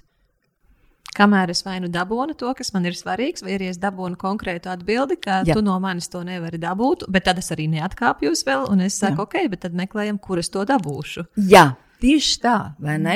Un šīs ir godīgas attiecības, un šis ir arī savu vajadzību apzināšanās. Jo patiešām mēs neesam mazas meitenītes, nu, ja es tagad par sievietēm runāju, kuras vienkārši tādas ir tādas drusku dumjas princesītes, piecgadīgas, un kuras brīnišķīgais vīrietis, varonis visu mūžu nesās uz rokām. Halo! Man nevajag tēti, man vajag veselīgas, pieaugušo attiecības partneri, vīrieti. es nedomāju, ka mēs ieiesim šajā tēmā, bet es nevaru atļauties tev nepajautāt. Um, Es gan daudz dzirdu, un tas attiecās uz sievietēm. Es neesmu šādu um, vajadzību dzirdējis no vīriešiem. Ja viņiem tā ir, viņi vienkārši nav man pateikuši. Mm -hmm. Bet no sievietēm es to dzirdu nu, tā kā īsti. Uh, tu neesi atvēris manī sievieti. Jeb arī, nu, ko tu tādu dari, lai es justos, nu, piemēram, kā dieviete, vai kā karaliene, vai kā sieviete, vai tu neesi neko izdarījis, lai es būtu sievišķīga. Ja? Tā doma, ka Es gaidu, kad man būs tas vīrietis, kurš manī atvērs sievieti. Jā, nu, uz otru pusi ir tas, ārkārtīgi daudzie teicieni, ka uh, vīrieti ceļ sieviete, ja, un sievietes enerģija, ja, un tā tālāk, un, un sevišķi, ja man būs gars vārds, man ir un vēl pareizajā krāsā. Jā, un vēl tur garas bīzes, dēļ vaļā mati vai kaut kas tam līdzīgs. Nē, tad es ar šo celšu. svarīgāk. Jā, vai ja es gatavošu ēst, tad tā sievietes enerģija aizies pie mana vīrieša, vai ja es ēst negatavošu, tad viņš nebadzīgs būs bez tās Tad tu būsi vainīgs pie tā, ka viņam nav darba. jā, jā, ka vispirms es gribu teikt tā. Tajā brīdī, kad mēs esam nobrieduši un pieauguši cilvēki, vai vismaz gribam domāt, ka esam nobrieduši, tad mēs saprotam, ka manu dzīve veidojas pati. Nevis mans vīrietis. Es dzīvoju savu dzīvi. Es esmu šeit. Es eju čurāt viena, guļu viena naktī aizmigusi, kaut gan man blakus ir partneris un strādāju viena. Viņš nevar aizmigt manā vietā. Viņš ne? to nevar izdarīt, jā, un es nevaru viņu. Nē, mēs, protams, varam gremdēt otru cilvēku, mēs varam arī viņu pacelt. Bet katrā ziņā stāsts par tādu seksualitātes atraisīšanu, tas ir stāsts par attiecībām vispirms pašai ar sevi, vai es vispār kā jūtos sevī. Ar šo savu svarīgo cilvēka daļu, seksualitāti, vai es pati, vai pats kaut ko daru, lai to apzinātos, atraisītu, un tad, ko es daru, lai runātu ar savu partneri, kā mēs varam kopīgo mūsu seksuālo dzīvi bagātināt. Nevis, zini, tu man nepiespiedi uz pareizo podziņu, un tāpēc kaut kas nenotika. Jā, tā tad tās, tās jau ir attiecības, kurās mēs esam divi, un es nevaru paģērēt, lai attiecības, kurās mēs esam divi, realizētu viens cilvēks. Un es te tikai gaidīšu, ja tu man atvērsi. Tad, ja tu mani atvērsi, tad mums būs foršs seks. Tad es jutīšos kā sieviete. Jā, un vīrietis atkal, nu, ja man būs tā iedvesma un tā sajūta, tad es tev uzdāvināšu ziedus. Un tad tā viņa arī nodzīvoja visu mūžu, jo tā, tas klikšķis nepienāca un tā spontanitāte nebija. Tad tagad aizgāju uzreiz nākamajā jautājumā iekšā. Es tiešām nedomāju, ka mēs to triesim, bet tas ir forši. Uh, To arī sievietes uh, ik pa laikam saka, kad es saņēmos, es prasīju, kas man ir vajadzīgs, un atbilde, ko es dabūju, bija, nu, vispār es jau tev grasījos tās puķis uzdāvināt, bet, ja tu man šitā prasi, tad neko tu nedabūsi. Tad, kad es gribēšu, tad es tev dāvināšu Jā. tās puķis, vai vēl sāpīgāk attiecībā uz seksu, ja, kad kā es gribēšu, tā es darīšu. Nevis to, ko tu man te prasi, ja, jo tad jau tas ir mākslīgi. Jā, šī ir viena ļoti komplicēta tēma, ka mīlestības attiecībās visam jānotiek spontāni. Tā ir tā ideja, ilūzija. Jā, jā? tā ir ilūzija, ka notiks dabiski. Satikās viena ābola, divas pusītes, un dabiski sapuva. Viss tas ir dabiski. Ja? Vai arī mēs iestādījām rožu krūmu, un tas ir mūsu mīlestības simbols, un tagad dzīvosim ilgi un laimīgi.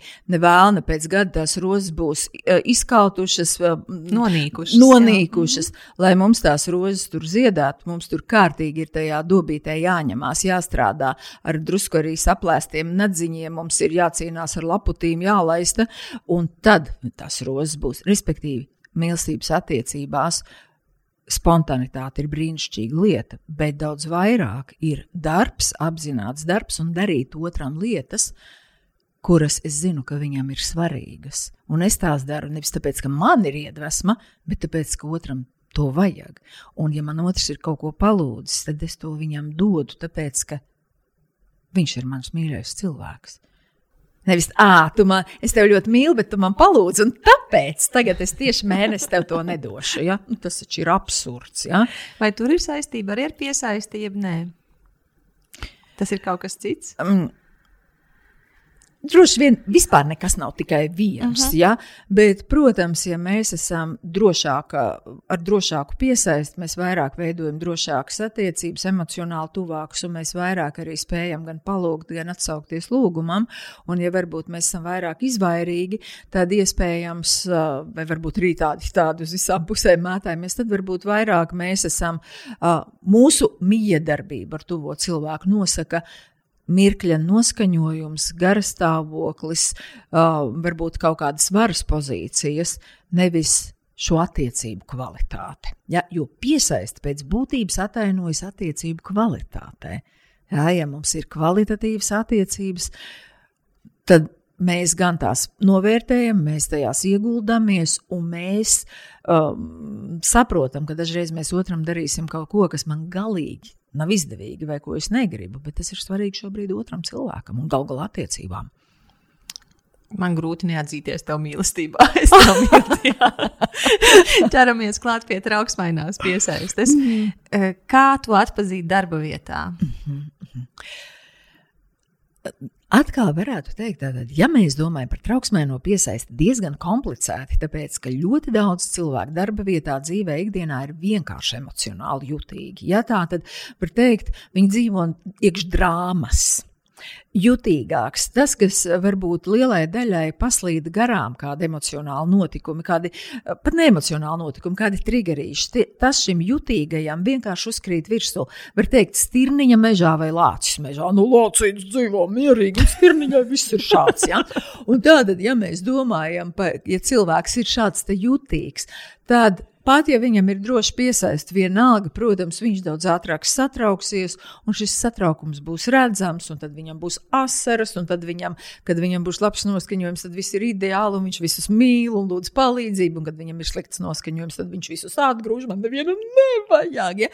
Paskat, es sāku runāt, es pilnīgi citu, es izmainījos, ja?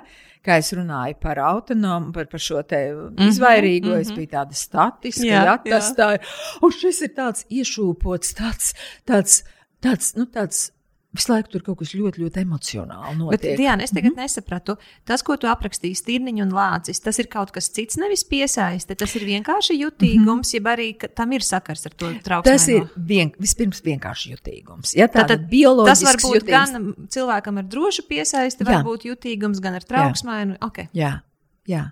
Jā. Man vīram ir droši piesaistīts, bet viņš ir ekstremāli jutīgs uz skaņām mm -hmm. un uz garšām. Ja? Nu, viņam vajag šī tik, lai viņš sajustu skaņu. Man vajag šī tik. Ja? Viņš nevarētu šitien, kur kaut kas tāds rūts, drusku tādu pievērst uzmanību. Viņš vienkārši nevarētu. Jā. Ja? Viņš vienkārši nevarētu. Mūsu meita. Gurķi skrapšķi. Ja? Un mums ir ģimenē teiciens, katram savi gurķi. jo viņai gurķi skrapšķi, es to vispār nepamanu. Ja, tātad tas ir bioloģisks jutīgums, un daži cilvēki ir bioloģiski jutīgāki uz emocionāliem signāliem, uz noraidījumu. Uh, Mani neuzaicināja, man sāp. Ja? Vai mani nepagaidīja, kad gājām kafijā, man sāp. Vai man teica, nu jā, šeit ir kļūda, man sāp. Bet tas tiešām nav saistīts ar to piesaisti. Tad pirmkārt ir šis bioloģiskais mm -hmm. jutīgums, bet tad varbūt man nav šis bioloģiskais jutīgums.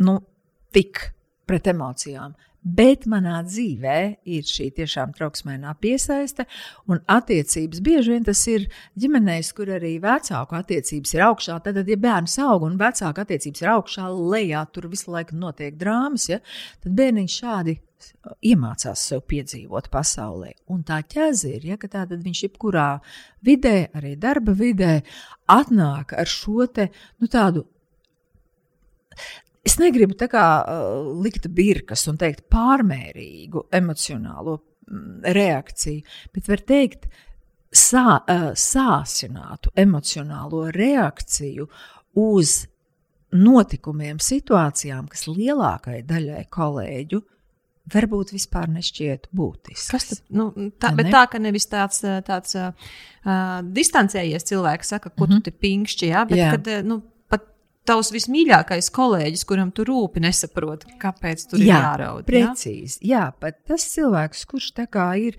atbalstošs un, un, un, un nu, klātesošs un kam rūp, bet ka viņam šeit pagaidām. Nu, nu, nu, te ir par traku drusciņu. Mm -hmm. Un eh, tad varbūt tas, ka šis cilvēks, kam ir šāda trauksmaina piesaista, ka viņš patiešām vai nu pārmērīgi lūdz to palīdzību, tā kā vispār netiek galā. Jā, jā viņš ir tāds sajūta, ka mani apgrūtina. jā, Cik, tu vari jā, kaut nu, ko pats izdarīt, lūdzu. Jā, ka nu ir nemitīgi un ka viņam tas ir dzīvības un nāves jautājums. Mm -hmm. jā, ka nevis viņš vienkārši nesaprot vai nezina vai mācās, jā, bet ka viņam katrs sīkums ir tāds, ah, es kļūdos, ko lai dara man. Jā, tāds tā kā, nu, nu, nu, paga, nu pamēģini izdarīt, izdara tās piecas darbības pēc kārtas, un tad varbūt atnāc aprunāsimies, bet viņš pie katras darbības trīc, jā.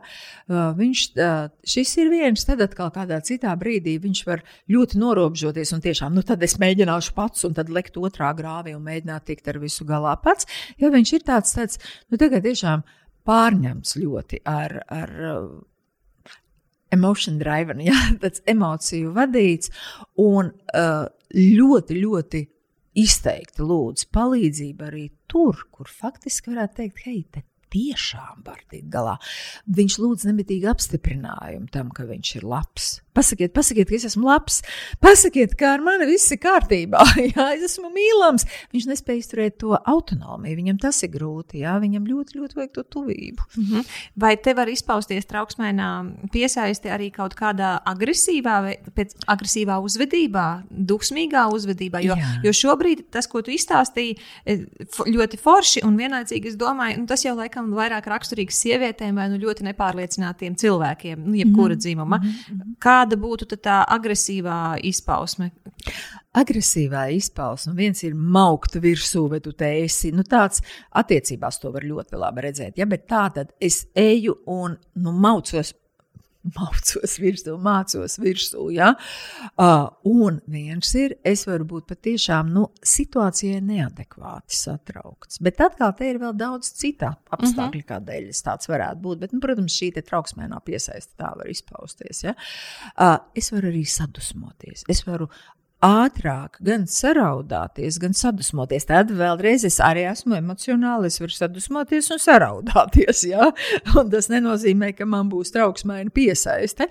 Ja? Bet, ka atkal, ka šis cilvēks tādās situācijās, kuras caurmēra cilvēkam šķiet relatīvi normāli risināmas, tad tajās viņš ir šis paģēru, palīdzību paģērošais, pieprasošais vai um, nu, kopā brūkošais. Ja? Mm -hmm. Un to apkārtējie redz. Nu, bieži vien es sākumā minēju, ka es diezgan grūti uh, funkcionēju pēdējā brīdī. Tāpēc es visu daru laicīgi. Ja?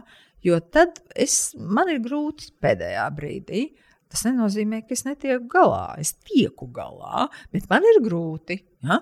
Bet uh, šie cilvēki nefunkcionē pie jebkāda mazākā spiediena. spiediena bieži vien. Jā. Jebkas, kas viņus, ir ļoti daudz, kas, kas viņus var izsist no līdzsvara. Jā, jā. Jo viņam iekšējais tas modelis ir, es nekad nevaru zināt, vai es esmu labs, vai es esmu ok, vai es drīkstu kļūdīties, vai šī kļūda ir drausmīga. Ja? Man, nav, man nav pašam priekš sevis tā atskaites punkta, ja? ka, nu labi, es daru labāko, ko es varu, dažreiz es kļūdos, dažreiz es, uh, un tas ir normāli. Tas mm -hmm. patiešām ir normāli. Ja?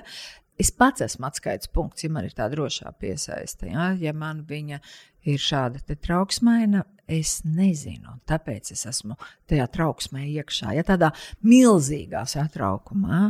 Un kā sastrādāties ar šādu cilvēku? Šis ir grūti. Šis vispirms ir grūti pašam cilvēkam. Tad, ko pats cilvēks, ko pats cilvēks var darīt savā labā Jā, darba sakarā? Darba viena lieta pat tiešām sev uzdot regulāri jautājumu. Šis ir kognitīva behaviorālās terapijas jautājums. Tātad cilvēkam ar šādu trauksmainu, trauksmainu uztveri piesaisti, viņam var katra mazā problēma šķist kā katastrofa. Jā, jo viņš iztēlojas jau traku rezultātu. Tad pirmais ir šo apzināties, ka man ir tendence pārāk ātri krist katastrofiskos pieņēmumos, uh, sajūtās par to, ka es esmu neveiksmīgs, neveiksmīgs, ka es nevaru un ka mani nosodīs un ka rezultāts būs slikts un mani noraidīs. Ja, tad atzīt, man šī tendence ir patiesībā mums visiem drusku šis kaut kādā veidā piemīt, tad, kad ir svarīgi, svarīgas lietas, vai ne? Bet tikai tam trauksmēniem tas piemīt daudz vairāk. Tad es sev atzīstu, ka tā, tie, tā vienkārši ir. Tā ir daļa no manas pieredzes.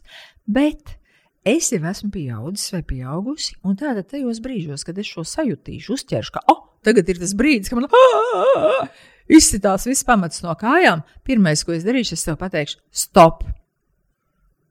Stop! Vai tas, par ko es uztraucos, notiek tagad? Mm -hmm. Vai man tagad atlaiž? Vai man tagad ir atņemta prēmija? Vai tagad par mani ņirgājas visi kolēģi, jo es pieļauju šo kļūdu? Nē, tas nenotiek. Tas notiek manā prātā, manā iztēlē. Es baidos, ka tas notiks. Tad stop, tas nenotiek tagad. Tagad es vienkārši sēžu un fantāzēju. Ko es tagad varu darīt, lai to situāciju, kur es redzu kā problēmu, risinātu? Solis viens, solis divi, solis trīs. Dažreiz pirmais solis ir paņemt pauzi, 5 minūtes, iziet ārā, izlākāties, izpurināties, pārslēgties, aiziet pačurāt, aiziet padzerties. Ja? Nākt atpakaļ un tad rakstīt solis, divi solis, trīs. Un tad punktu pa punktam iet un darīt. Mm -hmm. Jā. Tas ir tas, ko viņš pats var darīt. Jā, cilvēks. iezemēt sevi iezemēt, ja, jo šis satraukums, šīs bailes uh, no katastrofas un tas, tā virsatbildība, ja, ka man jātiek galā ar visu arī, uh, un varbūt neviens negribēs man palīdzēt, ja tā jau mūs grauj. Man šķiet, ka tas, ko tu izstāstīji, iespējams var noderēt arī tam vai priekšniekam vai kolēģim, tad, kad jau ir tā trakā situācija, nu, tā kā veids, kā nomierināt to cilvēku, mm. tieši tāpat tās mm. izēja tagad izbļausties vai izskrienies mm. vai vēl kaut ko, ka principā vai to var lietot tāpatās. Jā, Jā, protams. Un tad otra lieta ir, Ja man katru reizi tas ar šādu kolēģi būs jādara, es būšu pārgurusi. Tāpēc, Jā. kas ir tas otrais solis, kādā, nu, es nezinu, vai teikt, kočot cilvēku mm -hmm. atbalstošā mm -hmm. veidā no tā laukā, kā to darba kolektīvā izdarīt? Mm -hmm. Un šis ir diezgan problemātiski, tāpēc, ka um, pateikt, saņemies cilvēkam, kurš nu, vienkārši ir izsists, tas nestrādā, vai ne? Uh, tad noteikti droši vien atkal, uh, ja vien ir iespējams uzņēmumā, organizācijā, tajā vidē, uh, šeit tiešām dabūt kādu, kas palīdz uh, nu, novadīt semināru par to, kā vienkārši uzvesties dažādās situācijās, darba, kad rodas grūtības darbā, kā vispār saprast, kas ir un kas nav grūtības, ja, kas ir un kas nav problēma, nošķirt. Ja, jo viņam tas bieži vien tas slieksnīts ir zems. Ja. Uh, un veidot šos algoritmus, ja, kā mēs rīkojamies pēc algoritmiem, izvairīgie pēc vieniem algoritmiem, ja šie trauksmēnie pēc citiem algoritmiem, uh, ieviest viņus un arī ļoti konkrēti runāt par to, ka jā, mēs esam dažādi un ka vien, uh, viena un tā pati problēma, kāds šo problēmu risina oh, ļoti vienkārši, brīvi, elastīgi. Uh, Kāds šo problēmu risina pēc noteiktiem algoritmiem, vai kāds vispār izslēdz kādu emocionālo izjūtu vienkārši mauc, un kāds to dara raudādams. Ja? Un tā tad, ja, kā mēs varam šo problēmu atrisināt, lai to šie dažādie cilvēki varētu dabūt gatavu. Un, Protams, te optimāli būtu, ja būtu drusciņš šis te coachings, ja, kā, kā var palīdzēt uh, vienam, otram, trešam cilvēkam vai nu, cilvēku veidam, kā tipam. O, un noteikti šeit šim ļoti krenķīgajam cilvēkam, viņam tieši tāpat kā jebkuram citam patiesībā vajag uh, ieraudzīt tās reizes, kad viņš tika galā bez drāmas, kad viņš nesabruka. Lieliski, izcili šis izdevās. Vajag slavēt viņu par jā, to. Ka šis izdodas, jā. Šis izdevās, šis bija labs. Un Ko tu vari darīt, lai nākamajā reizē, kad ir līdzīga situācija un līdzīgas sajūtas, lai tu atceries šo pieredzi? Tu to vari izdarīt, ja tu to vienreiz vari izdarīt, tad tev būs tikai jāatkārto. Un es saprotu, ka tu ļoti emocionāli uztver šīs lietas. Un no vienas puses tas ir absolūti cilvēciski saprotams, bet tu dari sev pāri. Mm. Jā. Un dažreiz varbūt tev pašam ir grūti ar to, un dažreiz arī pārējie var apjukt. Ja? Tā tad mēģinam tomēr tās emocijas izventilēt kaut kur citur, jā, bet darīt, darīt šo uh, uzdevumu pēc vai nu pēc tā algoritma, vai nu katrā ziņā izēj, izventilējies un, un nāc un dari tālāk. Vai ir kādi terapiju veidi, kas šim tipam būtu vairāk piemēroti? nu, Droši vien, ka nē, jo var teikt tā, ka tā kā cilvēks, tad, kad atnāk man cilvēks, es nekad neskatos uz viņa kaušu tipu. Tu ne? nesaki, tā, mēs paskatīsimies tev piesaisti tūlītās. Nē, nē, nē, noteikti. Tad, tad, kad atnāk cilvēks terapijā, tad es, un šī ir ļoti svarīga lieta, ka es esmu zinātņu doktore.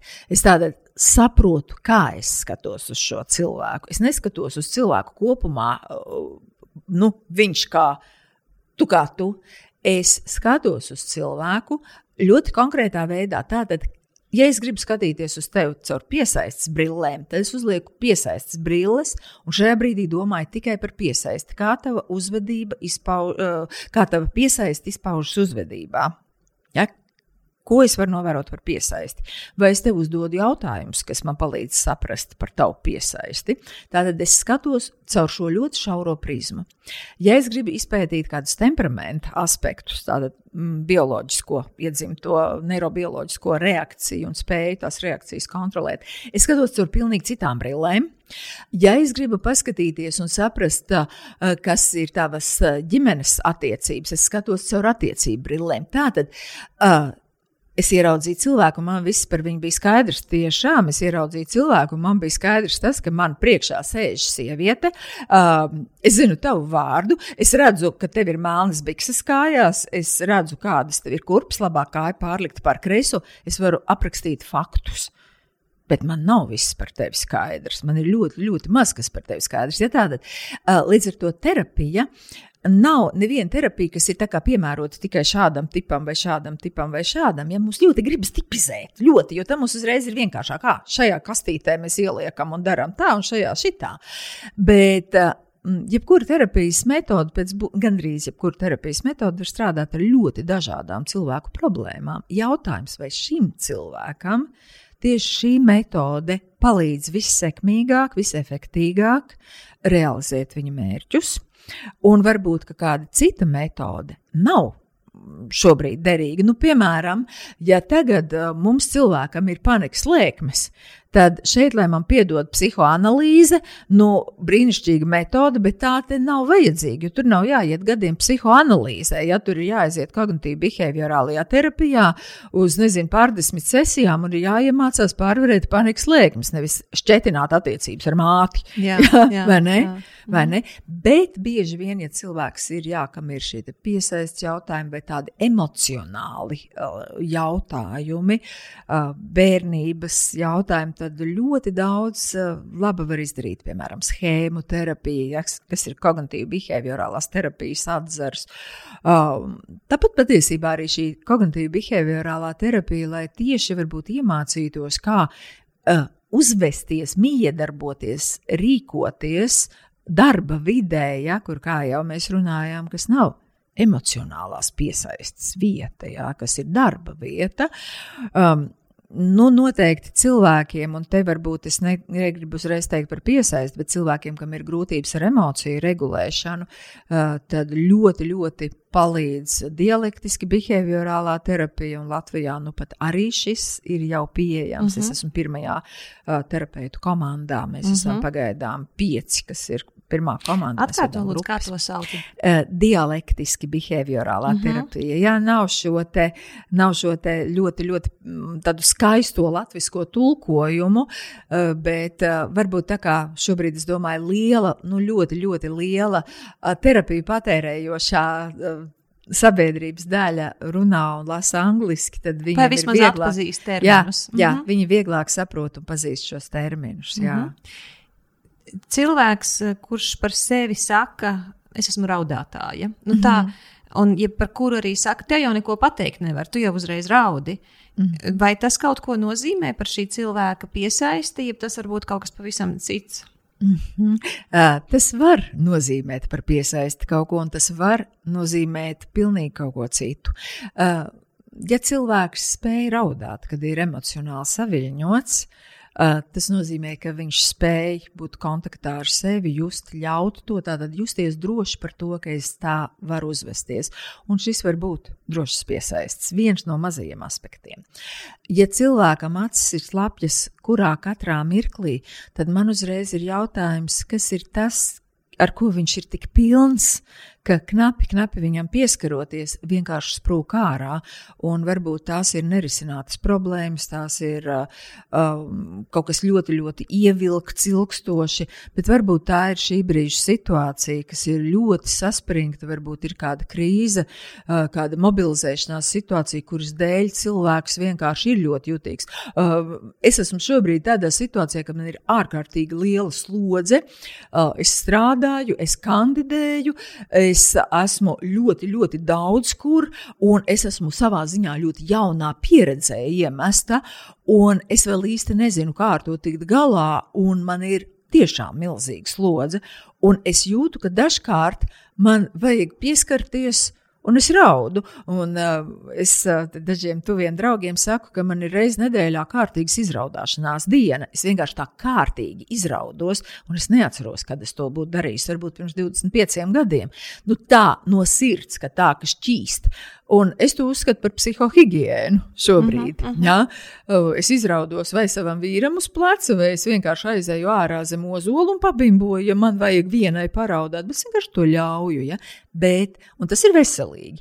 Bet, ja cilvēks neļauj sev raudāt ikdienā, bet kā viņš ir? Kā viņš redz kaķi, mazu kaķēniņu tā raud, kā viņš redz mazu bērniņu tā raud. Ne vairāk grūtāk ir tieši, ka viņam neko nevar pateikt. Pat ļoti jā. uzmanīgi sakot kaut ko, ka mums jā. jādara citādāk. Jā, un ja viņš momentā ir šajā raudāšanā, tad šis ir, nu tāds var teikt, ļoti, ļoti sāsināts jutīgums, kurš tomēr būtu nu, drusku kaut kādā veidā kā jāiemācās regulēt. Mhm. -huh. Jo Lai cik es esmu līdzjūtīga pret cilvēkiem, tad, kad cilvēks strādā darbā, tad darba vide nav terapeitiska vide. Darba vide ir darba vide. Kolēģi nav uh, atbalsta grupa. Dažreiz kolēģi veicina, veic atbalsta grupas funkciju, protams, jo, piemēram, kāds cilvēks tipiski gaida bērniņu kolektīvā, nu, protams, taču ir tas atbalsts. Vai ja kādam ir kādas veselības problēmas, vai mājās ir kāda grūta situācija, vai kāds ir miris, protams, kolektīvs, kā cilvēciski mēs atbalstam, bet mēs neesam profesionāļi, lai varētu šo cilvēku ārstēt ja, un, un palīdzēt viņam justies laimīgākam nekā viņš pats spēja. Un tad, protams, šādā gadījumā nu, ir brīnišķīgi, ja uzņēmumi var apmaksāt saviem um, cilvēkiem šīs te terapeitu sesijas un nu, rosināt cilvēkam patiešām rūpēties par savu psihoemocionālo labklājību. Uh mhm. -huh. Un trauksmainā piesaista tā ģimenes dzīvē, tas ir kā drāmu karaļi un drāmu karalienes, vai tas ir kaut kas cits? Nu, savā ziņā, protams, trauksmainā pieredze vienmēr būs ar tādu daudz lielāku amplitūdu nekā drošā piesaistē. Drošā piesaistē tāpat skandalējās. Mhm. -huh. Jā. Skandāls ir normalitāte, ja, jo mēs varam uzskandalēties tikai tur, kur mēs jūtamies īsti tuvu. Ja? Tāpēc jau mazie bērni arī raud mammai un tētim. Svešai tantei, nē, bērngārzā viņš ir paklausīgs zeķīts, atnāk mājās un uztais strādrīdi. Ja? Um, un tieši tāpat ir ar drošu piesaisti arī tuvajās attiecībās. Mēs savam vīram uztaisam strādrīdi vai otrādi, ja? bet uh, darbā pārsvarā nē. Ja? Izvairīgai piesaistēji būs vairāk tendence tuvējās attiecībās būt distancēti emocionāli. Šeit diez vai būs tādi izvirdumi, bet uz abām pusēm arī prieka nebūs tāda. Ja tā kā emocionalitāte nebūs, būs kaut kas, kaut kāda distance ir. Un es neteikšu, ka, ja tiem cilvēkiem tā ir labi, tad viss ir kārtībā. Ja? Uh, Bērniem gan var būt grūti, jo viņi neredz tuvības starp saviem vecākiem. Savukārt, eh, ja pārī viens ir ar trauksmainu piesaisti, tad, protams, tie vairāk ir tādi roller coasteri, ja tādi amerikāņu kalniņi.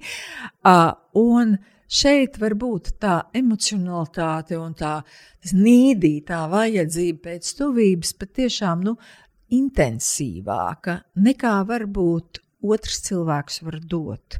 Un, ja es nedabūnu un prasu, un tu man nedod, tad es jau nekļūstu apmierinātāka vai, ne, vai apmierinātāks. Es kļūstu nelaimīgāks un eju vēl virsū. Un šeit tomēr var būt biežāk riski, ka pārim ir grūti būt ilgstoši kopā. Mm -hmm. Jo vienkārši tā intensitāte attiecībās, visu laiku pārbaudīt, vai tu mani mīli, pierādi, ka tu mani mīli. Ja? Un, jo drošā piesaistē es uzticos tev. Un es arī zinu, ka varbūt kādreiz tu mani nemīlēsi. Tā var būt. Mm -hmm. Trauksmainā piesaistē man visu laiku vajag apliecinājumu, ka otrs mīl, jo man iekšā nav šī izjūta. Es nezinu. Jā? Un tikai nebūt vienam. Vai greizsirdība arī ir saistīta ar piesaisti? Uh, vispār jā.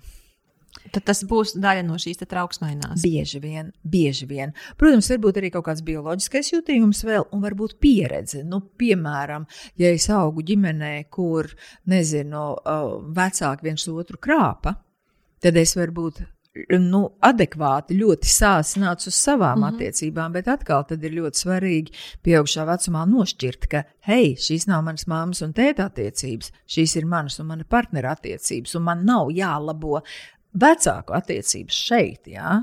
jo bieži vien tās problēmas, kas ir bijušas bērnībā, mēs mēģinām salabot labojot šo, ja, bet tas tā nav, tas nav veselīgi. Bet, jā, ka šajās te trau, tādā ar trauksmēnu piesaistā, tad es nejūtos drošs par sevi. Un, ja es nejūtos drošs par sevi, es nezinu, vai tu mani mīli. Es nezinu, vai tu man esi svarīgs. Es nezinu, vai es uz tevi varu paļauties. Es nezinu, vai tu vispār te esi. Ja nu tev ir kāds cits, ja nu tu man nemīli, ja nu es esmu nesvarīgs. Ja. Un tad ir ļoti liels risks, ka jebkurā brīdī, kad es redzu, ka otram cilvēkam ir labi bez manis, nu, piemēram, darba balē, mans partneris dejo ar kādu, viss, man ir trauksme, jo iespējams mani pametīs. Te būs mans piemērs. Nu, mums ir droši piesaiste ar, ar, ar manu vīrieti. Uh, viņš arī ir psihologs, viņš arī ir beidzis, uh, viņš ir psiholoģijas maģistrs un viņš ir beidzis kognitīvu behaviorālo terapeitu mācības. Vienīgi kā dažs vīrietis nav nokārtojis gala eksāmenus, uh, jo ir uzstādījis citas prioritātes un varbūt atliek kaut ko savā dzīvē. Bet, kad viņš studēja psiholoģiju, nu viņš taču bija certams bērziņš starp meitenēm. Jā? Nu, protams, tur bija pāris puiši un, un viņš ir ļoti komunikabls un, un tā tāds runātīgs, ar, ar patiesībā es esmu savā ziņā daudz noslēgtāka. Uh, dzīvē nekā viņš. Viņš daudz vairāk uztur attiecības ar citiem cilvēkiem. Es daudz vairāk varbūt reanimējos no cilvēciskajām attiecībām darbā, klusumā esot un dārzā. Bet viņš, viņš ir ar cilvēkiem, un tad man kādreiz bija tāds teiciens, ka viņš uh, ar kādu runāja, saka, ah, cukura balsī runā ar kursa biedrenēm. ja, un ka viņam ir tā cukura balss. Viņš runā ar tām savām kursa biedrenēm. Un, Un, ja man ir droši piesaistīts, tad patiesībā man tas patīk. Tu vari par to pasmaidīt, vai ne? Tas tā kā tāds pat... insider joke. jā, viņam ir vēl cilvēki, viņam ir meitenes savējās, viņam ir ar ko runāt par kaut ko. Viņam nav es vienīgais. Ja? Savukārt, ja es esmu nedroša par savām attiecībām, tad es mēģinu kontrolēt to otru cilvēku, jo visu laiku saglabāt šo tuvību. Un kas notiek, jo es to cilvēku grābju ciet, jo ir pilnīgi loģiski, ka viņš grib drusku atsvabināties. Un tad, kad es jūtu, ka viņš drusku atsvabinās, tas man rada atkal izmisumu, trauksmi, un es viņu grābju ciet, un tā ir riņķa dēļa. Mhm. Tad, bet nevienmēr tas nozīmē, ja man nav greizsirdības, tas vēl nenozīmē, ka es neesmu trauksmainās piesaistes cilvēks. Greizsirdība trauksmainajā piesaistē var būt un var arī nebūt. Jā, ir, ne? varētu prognozēt, ka lielāka iespēja, ka būs, bet var arī, var arī nebūt. Bet tas tā. Tā ļoti lielā vajadzība pēc tuvības, ja tas ir šī kontrole, es zvanu piecreiz dienā. Tu savu vīru laid vienu kaut kur braukt? Jā, kad mans vīrs vēl nestudēja psiholoģiju, bet Skalbis organizēja pirmo atbalsta grupu vīriešiem. Vispirms pirmā grupa, mm, viņi nevarēja savākt. Viņi nevarēja savākt. Un eh, pēc tam, kad tomēr izdevās savākt, es nezinu tālāk, neko, kas tur notika, bet pirmajā grupā, vēl pirms viņi bija vienojušies par anonimitāti, nu, par konfidencialitāti, eh, tad veči dalījās ar to, ka sievietes uztraucās par to, ko jūs tajā grupā darīsiet. Jūs runāsiet par mums. It kā mēs būtu vienīgās savu vīriešu dzīvē, ak, cik mēs esam iedomīgas. Mm -hmm. Jā, it kā mm -hmm. viņa dzīve tiešām grozītos tikai ap mani, un ka viss, ko viņš par mani runās, būs slikti. Kas par mhm. šausmīgu stulbu iedomu, uh -huh, vai ne? -huh. un, jā, un ka tad sieviete visu laiku grib kontrolēt, kur tu ej, ar ko tu runā, kas tas ir, kas tev tur telefonā trauksmēni piesaista. Kas ir tavā telefonā? Halo, telefons ir otra cilvēka teritorija, neliena, uh -huh. neliena. Nelienu. Kas vēl ir otra cilvēka teritorija, kur nevajag mm. līst un vajag respektēt? Jo man šķiet, ka uh, mēs dažreiz uzskatām, jā, ja tu esi mans partneris, tad man ir tiesības zināt visu. Nu, piemēram, ja es skatos uz savām attiecībām, nu, es varu redzēt visu, kas ir mana vīra telefonā. Viņš var mm. redzēt visu, kas ir manā telefonā, bet mēs tur neskatāmies. Tā kā no vienas puses varbūt tā ir tāda savstarpējās uzticēšanās zīme, un no otras puses uh, tā ir arī ļoti liela cieņa pret otru cilvēku, es tur neskatīšos.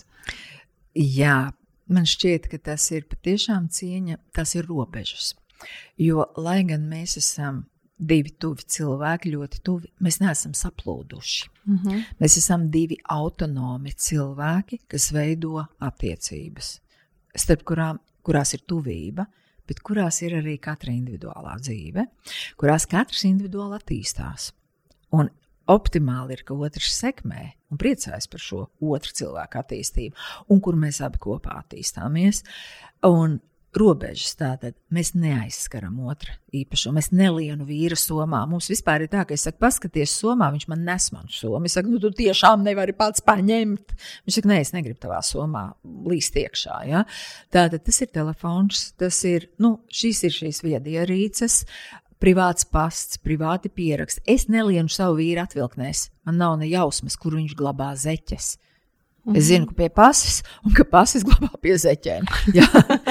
tā tad neliena viņa teritorijā. Uh, man ir attīstīts pat tā, ka, ja viņš strādā datorā un es pienāku, es varu skatīties datora ekrānā, bet neko neredzēt. Mm -hmm. Es, es vienkārši neredzu to tekstu. Es acis man tur ir, bet es neredzu, un es saku, atvaino, atvaino. Jā, vienkārši piesaistīja kaut kas tur, bet es nelasu. Tad šis es nekontrolēju arī. Es varu interesēties par to, kā tev gāja darbā, vai kā tev gāja treniņā, vai ko tu darīji korī, vai ko jūs tur darījāt, bet tik tālu, cik otrs cilvēks grib man stāstīt un es nevelku ārā no viņa to, ko viņš man saka, nu viss šis ir, nu, šo es tiešām gribu paturēt pie sevis. Es cienu privātumu. Mm -hmm. Paldies Jā. par uh, dezorganizēto piesaisti. Jā, par dezorganizēto piesaisti patiesībā.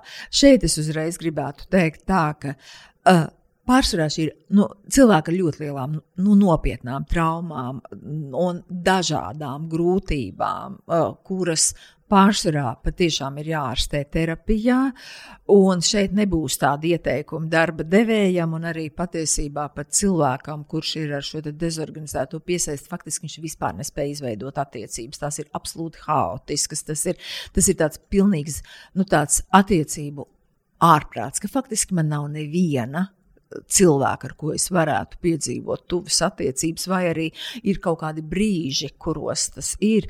Bet parasti šī situācija ir, nu, tā ir risināma profesionāli. Un es pat teiktu, ka varbūt pat mums pat tiešām nevajag šeit par to runāt, bet es gribu teikt, ja kādam ir sajūta, ka viņam vispār nav iespējams veidot tuvas attiecības, ka viņš cieš attiecībās, ka viņš ir uh, apmaldījies un tā ilgstoši maldās, ja viņam ir grūti justies pašam ar sevi.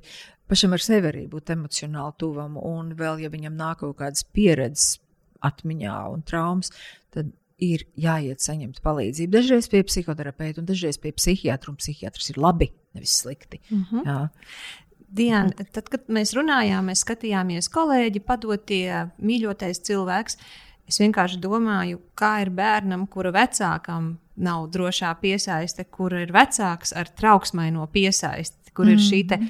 kontrolējošā māte vai ļoti kontrolējošs tēvs vai tieši nu, tāda drāmas karaliene, viens vai otrs mm. mājās, ko darīt. Ja arī izvairīgā piesaiste vecākam, mm -hmm. ir tas bērns izmisīgi cenšas dabūt to mīlestību, bet viņi tā kā, nu, kā bērni arī bieži saka, mani nekad nesamīļoja, man nekad mm -hmm. man neapķēra, man nepateica, ka mani mīl. Es biju pabarots, viss, viss Jā. man tā kā bija.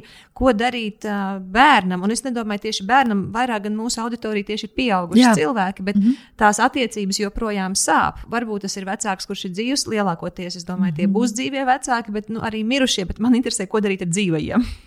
Jā. Uh, jā, mēs nevaram izmainīt savus vecākus. Un ir ārkārtīgi svarīgi, šis ir ārkārtīgi svarīgi. Šobrīd ir modē uh, vecākiem pārmest, to tu izdarīji nepareizi, un šo tu izdarīji nepareizi. Tad es gribu lūgt, lai mēs, pieaugušie cilvēki, iztēlojamies mani Mana mamma audzināja, man šodien ir dzimšanas diena. Mani mana mamma dzemdēja pirms 59 gadiem, saulainā svētdienas dienā. Es esmu pati piedzimusi. Droši vien tas arī ir tā mana jauda. Ja? un uh, mana mamma darīja labāko. Un tēvs, mani vecāki, mūsu vecāki darīja labāko, ko varēja savu zināšanu, uh, tā laika informācijas un labo ieteikumu uh, kopumā.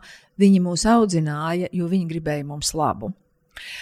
Bet Tagad ir pagājuši gadi, piemēram, 30, vai 40, vai 50, un šobrīd tas, kā mani audzināja mana māma, izrādās nepareizi. Tu vai noziegums? Piemēram. Jā, tu, tā tad viņa mani neņēma, piemēram, rokās tik daudz, un tagad, kad mēs zinām, ka bērniņi ir jāņem rokās, es tagad varu pārmest savai mammai. Tātad es nedrīkstu pārmest to, ka mani vecāki audzinot nezināja to, ko mēs zinām šobrīd. Jā, es jau runāju par Balbiju, 60. un 70. gadu mijā drošā piesaist, piesaist vispār. Es piedzimu 63. gadā. Hallo, mana mamma to nezināja. Ja? Tas ir kā pārmest to, ka mana vecmāmiņa man nemācīja apieties ar datoru.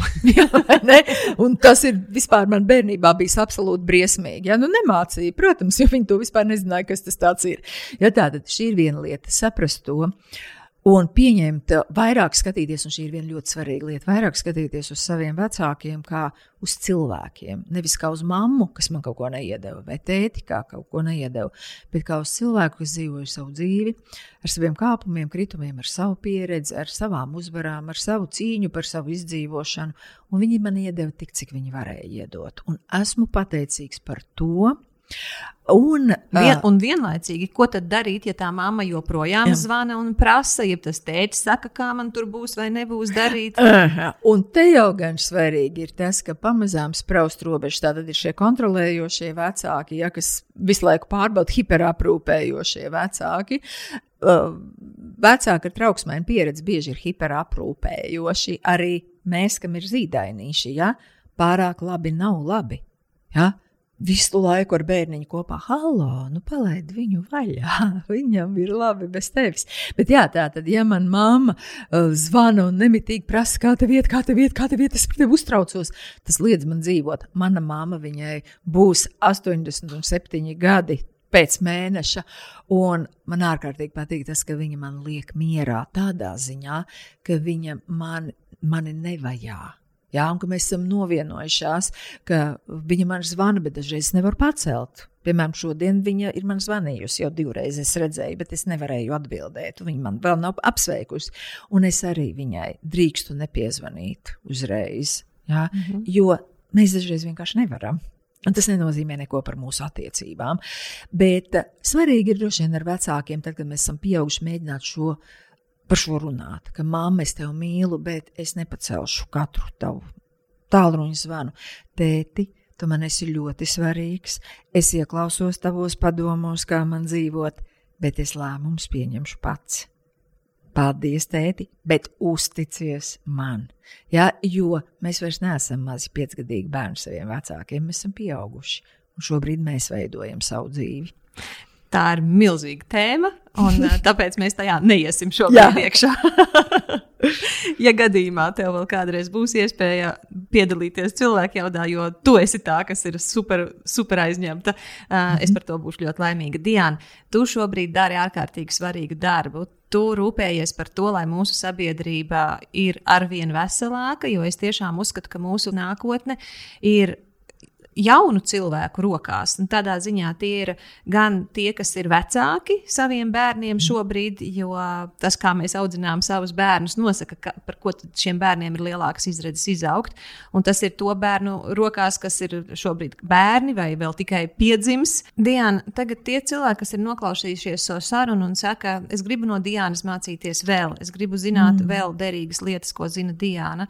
Kur šie cilvēki var uh, redzēt, es nezinu, teiksim, sociālajos mēdījos tevi? Kā var mm. atrast tevi? Man ir Instagram konts. Kur ir uh, Diana Zande? Ja? Jā, man šķiet, ka Diana Zande. Uh, tad man ir Twitter konts. Uh, un man ir Facebook konts. Un, uh, Un droši vien ir tā, ka es, es saprotu, ka es Facebook kontā es tik daudz ko rakstu par savu dārzu, es daudz ko rakstu par savu suni. Uh, es uh, tomēr arī tur rakstu par dzīvi. Un man ir tādi mazie mirkļi, kur es varbūt rakstu par dārzu, bet es ielieku arī kaut ko par dzīvi. Mm. Bet uh, es šajos kantos nemācu, nelekcionēju. Es drīzāk kā varbūt rādu to veidu, kā es skatos uz pasauli un rosinu arī citus kaut kādā savā veidā paskatīties uz savu pasauli, būt kontaktā pašiem ar sevi. Un, uh, jā, varbūt drosmīgāk runāt par to, kā mēs piedzīvojam pasauli, drosmīgāk runāt par savām vērtībām un arī realizēt tās vērtības dzīvē, ne tikai privātajā dzīvē, bet varbūt ejot drusku ārā un darot kaut ko priekš citiem cilvēkiem. Diana, milzīgs tev paldies eh, par to tavu laiku, ka tev izdevās atnākt uz šejieni, neskatoties uz to, ka darba tev ir pāri acīm, un šodien vēl tev ir dzimšanas diena. Es uh, saku milzīgu paldies par tavu dāvanu man. Es jūtos ārkārtīgi daudz ieguvusi no šīs sarunas, un es saku par tev paldies dāvanu no mūsu skatītājiem, no mūsu klausītājiem, tāpēc man ir liels lūgums. Brīdī, kad mēs ar Diānu ierakstījām šo sarunu, Diana ir dzimšanas diena. Lūdzu! Tā vietā, lai teiktu, apsveicu ar pagājušo dzimšanas dienu, Diana, vai nedod Dievs, neteiktu neko, uzraksti, pastāsti, kas no Dienas stāstītā tev noderēja. Diana, mm. milzīgs tev paldies. Paldies, paldies par šiem siltiem vārdiem. Paldies visiem, kas skatās. Man šķiet, šī ir ārkārtīgi vērtīga saruna. Jā. Un tas, ko es parasti saku savā lekcijās, no šī, ko jūs dzirdējāt, pilnīgi noteikti kaut kas jums der. Un tas, kas jums der, paņemiet no tā kaut ko konkrētu un sāciet to īstenot dzīvē. Mazs gabaliņš, bet sāciet to darīt. To, kas nedara, droši metiet miskastē, bet atcerieties, ka nekas nedarbojas, ja mēs to nedarām. Paldies, Diana! Paldies! Nākamajā cilvēku jaudas epizodē es izjautāšu instruktoru, kura darbs ir iemācīt cilvēkiem, kā rīkoties tad, kad kāds fiziski uzbrūk un apdraud tevi. Mans sarunbiedrs stāstīs, ko darīt arī, lai samazinātu šādas bīstamības iespējamību. Kad pabeidzām sarunas ierakstu, es un mana kolēģe abas uzreiz pieteicāmies pie viņu treniņiem, un mēs esam ļoti izvēlīgas, pie kā mācāmies.